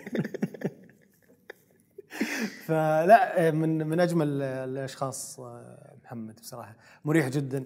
واللي عاجبني فيه إنه صغر سنه أنا يبهروني هذول الأشخاص. صغير في السن وعارف وش عنده وعنده رؤية. يعني إحنا لما نتكلم عن رؤية إخراجية يا أخي تقول رؤية إخراجية يعني كيف تطلع الموضوع؟ بس الموضوع أصعب من مما تتوقع يعني. آه الهليل اي عنده تصور عنده واضح قدام الفيلم لما يجي يكلمك عنه لما يحكي لك قاعد يشوفه. هو في مخه. بالضبط. فهذا مريح بالنسبة لي في التعامل لما تسأل عن شيء معين ليش كذا؟ وقابل للتناقش يعني يعني يسمع. فاتح باب ال ال الآراء وال والإقتراحات يعني. في 40 عام أنا ما كنت ما كنت راضي كثير عن الشخصية اللي كانت مكتوبة. في البداية مو الأداء الأخير. لا لا في البداية إيه في البداية. ما كنت راضي إنه ليش هو كان الأخ ال- ال- الاوسط كان إيه. اي كان الاوسط إيه ف... فليش مكتوب أنت خبرة أنت جاي عند واحد أوسط. فحبيبي هذا مو أوسط. هذا هذا دوري. إيه. هذا أنا هذا أعرف الأمراض اللي في إيه، الواد بالضبط. الاوسطي اللي في الأوسط ما هو كذا. هذا اللي أكبر من الأوسط. فأرجوك فاشتغلنا على موضوع الشخصية وموضوع النص وزي كذا وكان كان من الأشخاص اللي اللي اللي يسمع وبالعكس متعاون جدا. وهو حتى لما يشوفك مثلا لا زودتها هنا شوي. لا ممكن يجيبها باحترام بأسلوب محترم يعني لطيف يعني. ما ي- ما يجيبها لك لأنه صغير. أخوي صغير ما أقدر يعلي صوته. أنا هو الكبير. في النهايه لازم تحترم اللي أكبر منك. والكبير يعطف على اللي اصغر منك. فإحنا نعطف على الأدوار واضحة. الأدوار واضحة. فكان كان محترم ولبق جدا حتى في, في التعامل. ويعجبك إنه قارئ ومطلع بصراحة. جدا ما شاء الله عليه. آه آه، قلت لي قبل كيف تغيرت الشخصية. شخصيتك كانت آه، أحس أكثر شخصية بعيدة عنك في الواقع. فكان آه، تتطلب أداء تتطلب لها لازمات معينة. يعني زي لما كنت تتكلم مع الهام عن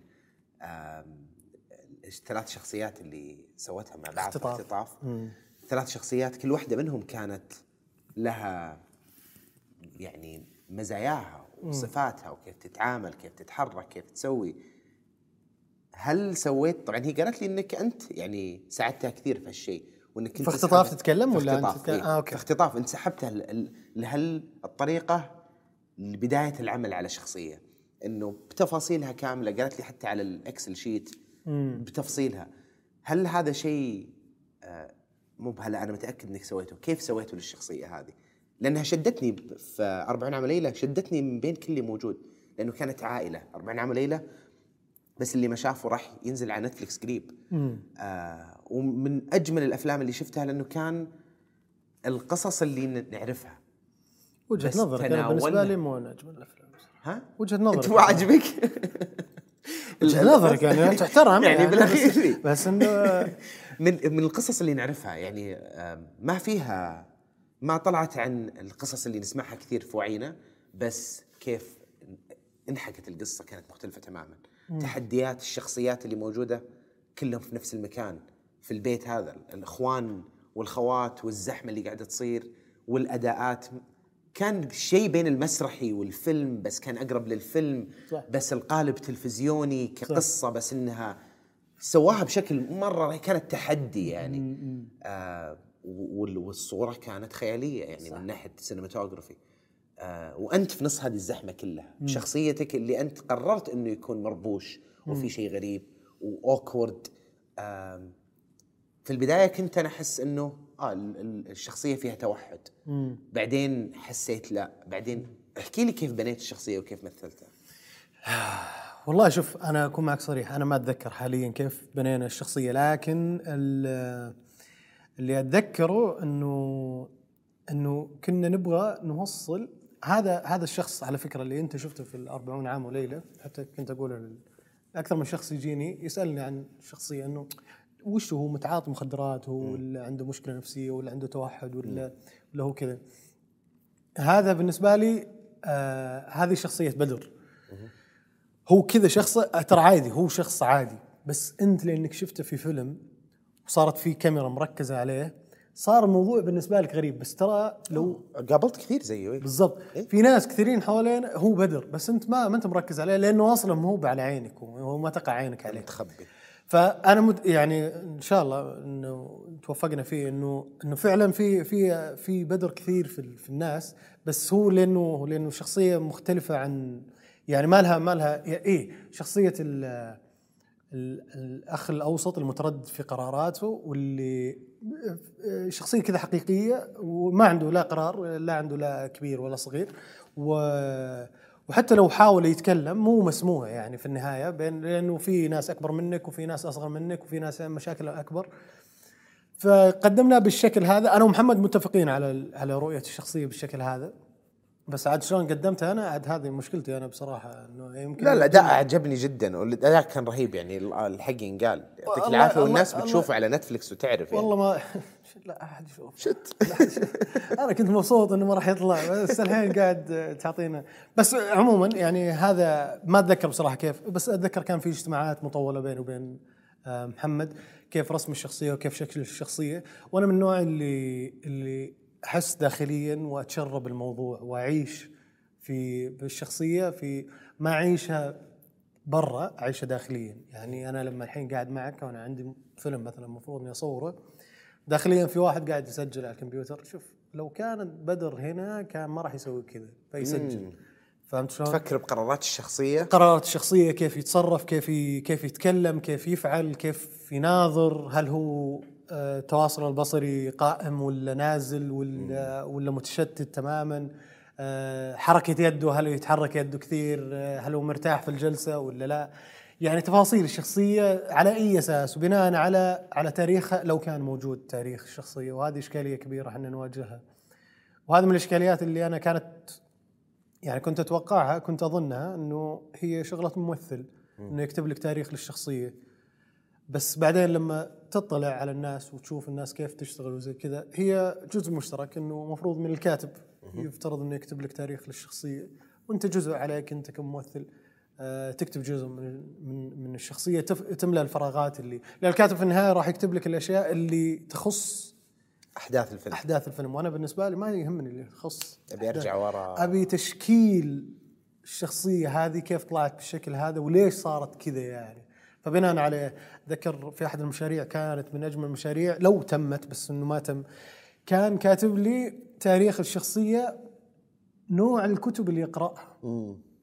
فلسفة نيتشه وما نيتشه وما اعرف إيش يقرأ في ال في ال هذا ال وعنده الفكر الاشتراكي وعنده الفكر.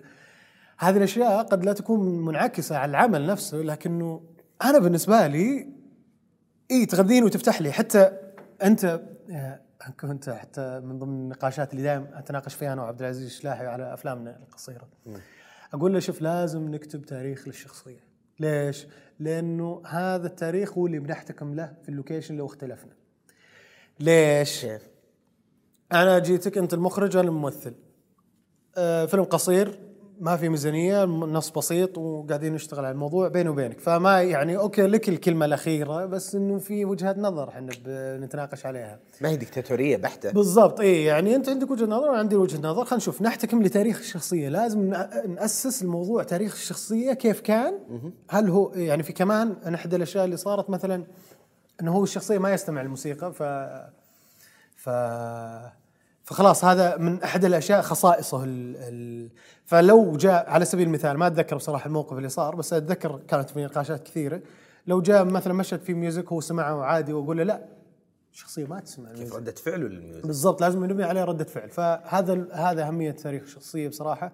حتى يطلع يطلع الممثل يعني ليش إحنا كممثلين متشابهين تقريبا في أغلب أعمالنا؟ بسبب آه طبعا أكيد ضعف أنت فيك كممثل هذا شيء لازم تشتغل عليه. أنت يفترض أنك أنت ما تكون متشابه من عمل إلى آخر يفترض أنك تكون فارق. ما أتكلم عن شكليا أتكلم عن داخليا. أداء. إي داخليا حسك وشعورك ونظراتك. يا رجل من نظرة أنا ممكن أعرف إنه أنت محمد القرعاوي خوينا ولا اليوم أنت فيك شيء؟ من نظرة. مع نفس شكلك. هي شخصية مختلفة أو انفعال مختلف يعني تمام. ف في آه وأيضا تاريخ الشخصيات اللي هو اللي أنا أشوفه أنا أشوفه من واجب الكاتب بصراحة اللي لازم يكتب لك تاريخ شخصية مناسب وجيد أو مفصل نوعا ما علشان يعطيك أنت مساحتك أنت إنك تلبس الشخصية بالشكل اللي أنت تبغاه. اللي كتبت Handmaid's Tale مارغريت اتوود آه، أذكر قد شفت لها فيديو كانت تتكلم عن كيف تكتب شخصياتها لأن هي كتبت كتاب Handmaid's Tale بعدين سووا منه مسلسل. فهي هي تقول أنا لو أنا لسه وأنا أكتب كتابي قبل ما أبدأ بالشخصيات خلاص قبل ما أبدأ بالقصة خلاص أنا عندي الثيم اللي أبغى أتكلم عنه. إيش ال- الكتاب؟ ما هو الرسالة الثيم هو قاعد يتناول إيش؟ إيش الموضوع؟ إيش المواضيع اللي قاعد يتناولها؟ بعدين لما رحت وضحت بكل تفصيل مين شخصياتي؟ وعلاقتهم بالثيم. آه، وغالبا يعني لو نقول مثلا الثيم هو الانتماء آه، إلى وطن معين. أو الانتماء الثيم هو الانتماء.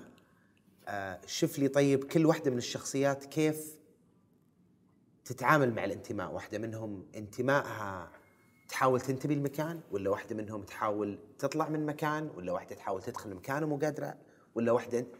فهذه أول تجربة هذا أول طبقة. بعدين خليني أدخل على الشخصيات. توصل إلى مرحلة كانت وطبعا هذا البست براكتس ترى في الكتابة يعني. هذا اللي هذا المفروض الأعمال تكتب وهذا المفروض كل أعمالنا تكتب بناء عليه. بوضوح جدا لأنه القصة نفسها يكون لها منطق داخلي فيها.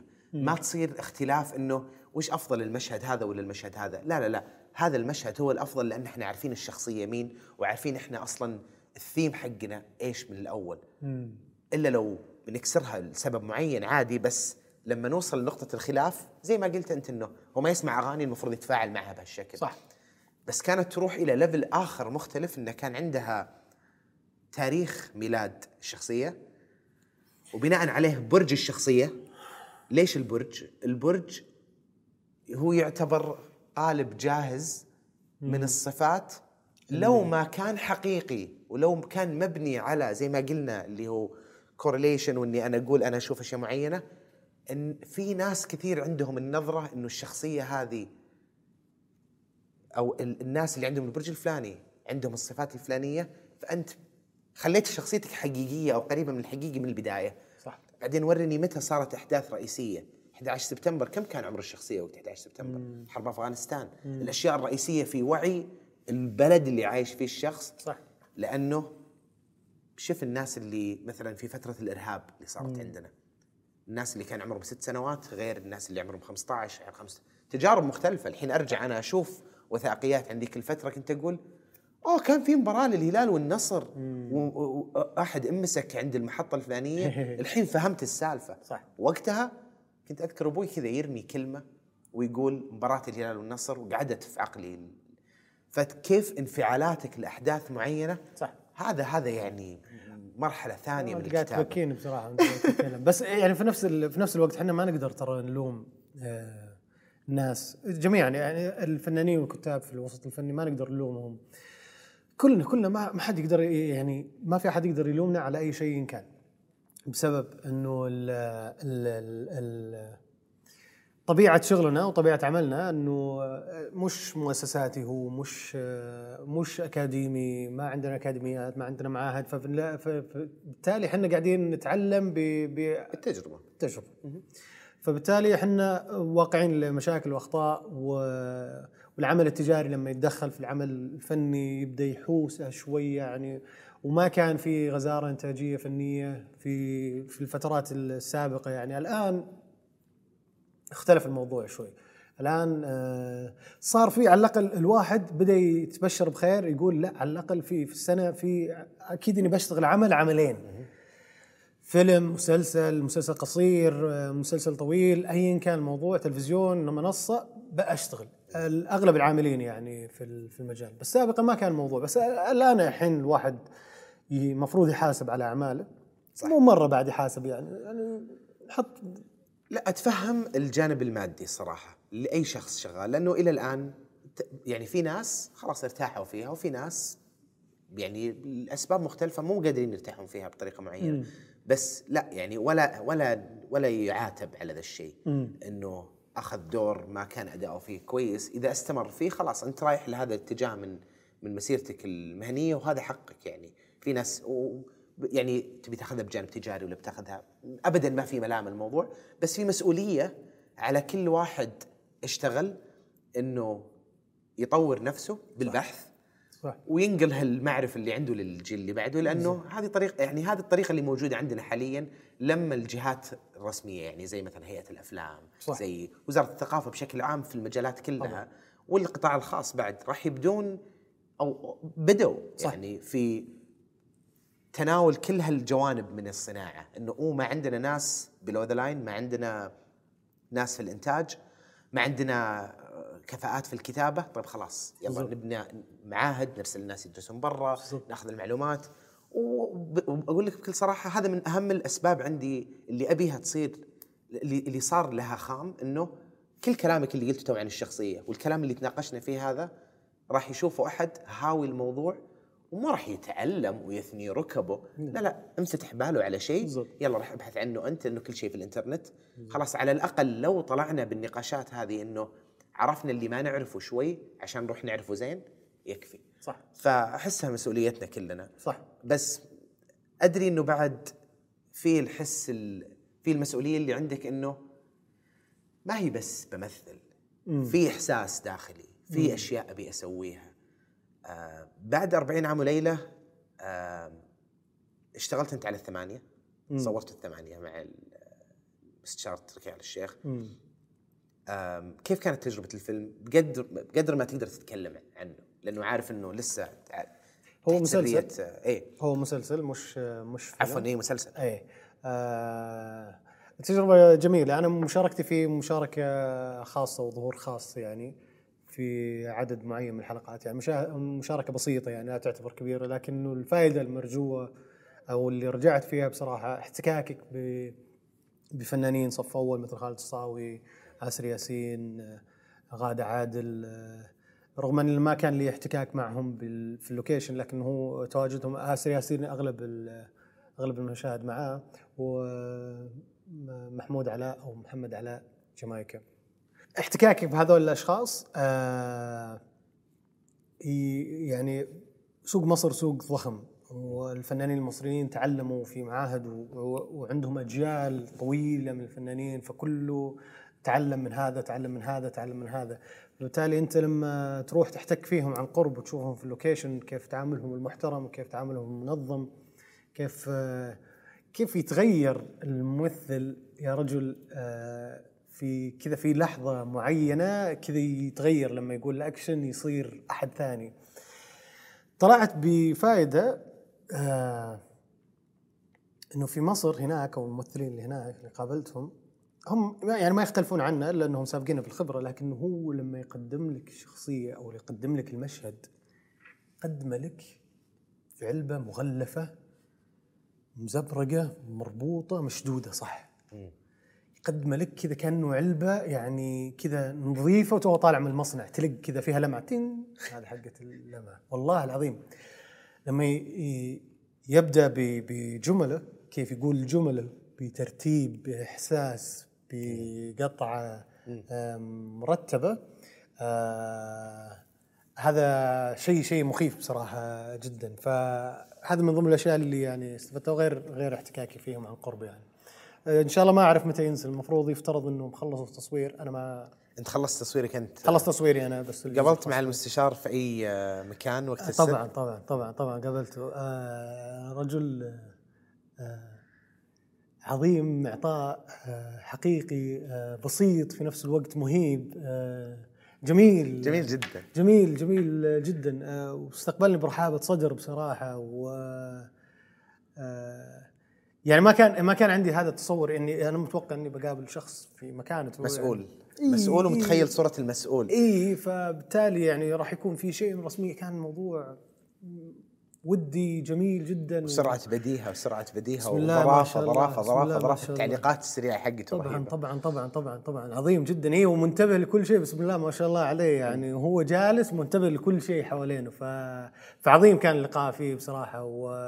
واحب أشكره بما إنك أنت طريت وأحب أشكره على على على دعمه واختياره لي أنا اني اكون من ضمن هذه المجموعة الكبيرة بصراحة آه ودعم الدائم بصراحة للفنانين السعوديين والشباب متحمس يعني. للشلو متحمس للشلو متحمس للشلو آه، أشوف كيف بيصير هذا ما أقدر أقول لك يعني صح إن الهام زوجتي بس ما أقدر أقول لك إيه إيش صار. لا تكلمنا أنا وياه بس رهيب كيف كل واحد منكم اشتغل مع معاه بطريقة مختلفة آه، عظيم هل فيه مساحات جاية تبي تروح لها؟ أدوار معينة تبي تمثلها؟ أعمال جاية بخاطرك؟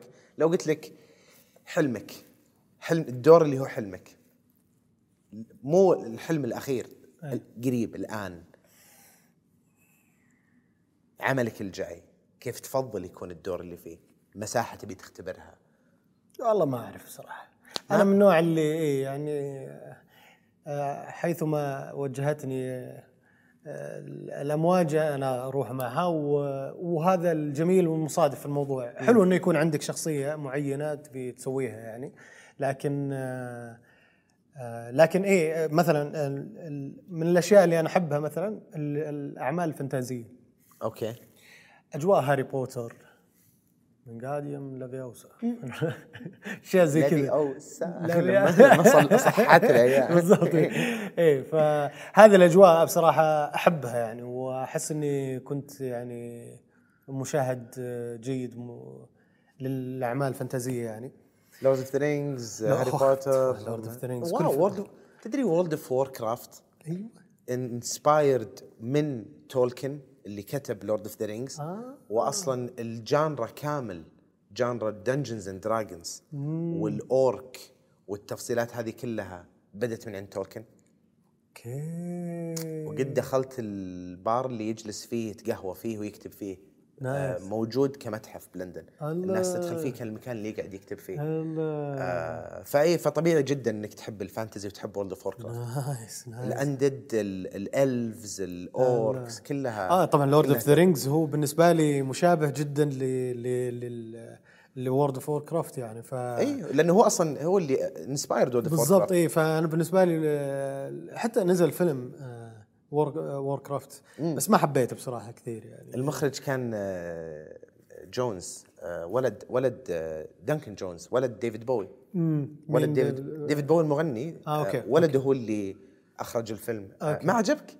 ما أنا يعني لاني ممكن كان عندي تطلعات كبيرة فبالنسبة لي ما أشبع التطلعات اللي عندي. بس برجع أشوفه مرة ثانية هذا اعاده شغف بس أنا كل فترة والثانية أعيد مثلا Lord of the Rings هو الفيلم اللي الثلاثيات يعني. ال director's cut الطويله إيه الاربع إيه ساعات ثلاث ساعات إيه ونص. عظيم بالنسبة لي ممتع جداً. مريح يا أخي. ياخذك إلى رحلة نفسية ومعالجة نفسية جميلة جدا. زي ما تسوي لنا أنت دائما في جلساتك الحلوة.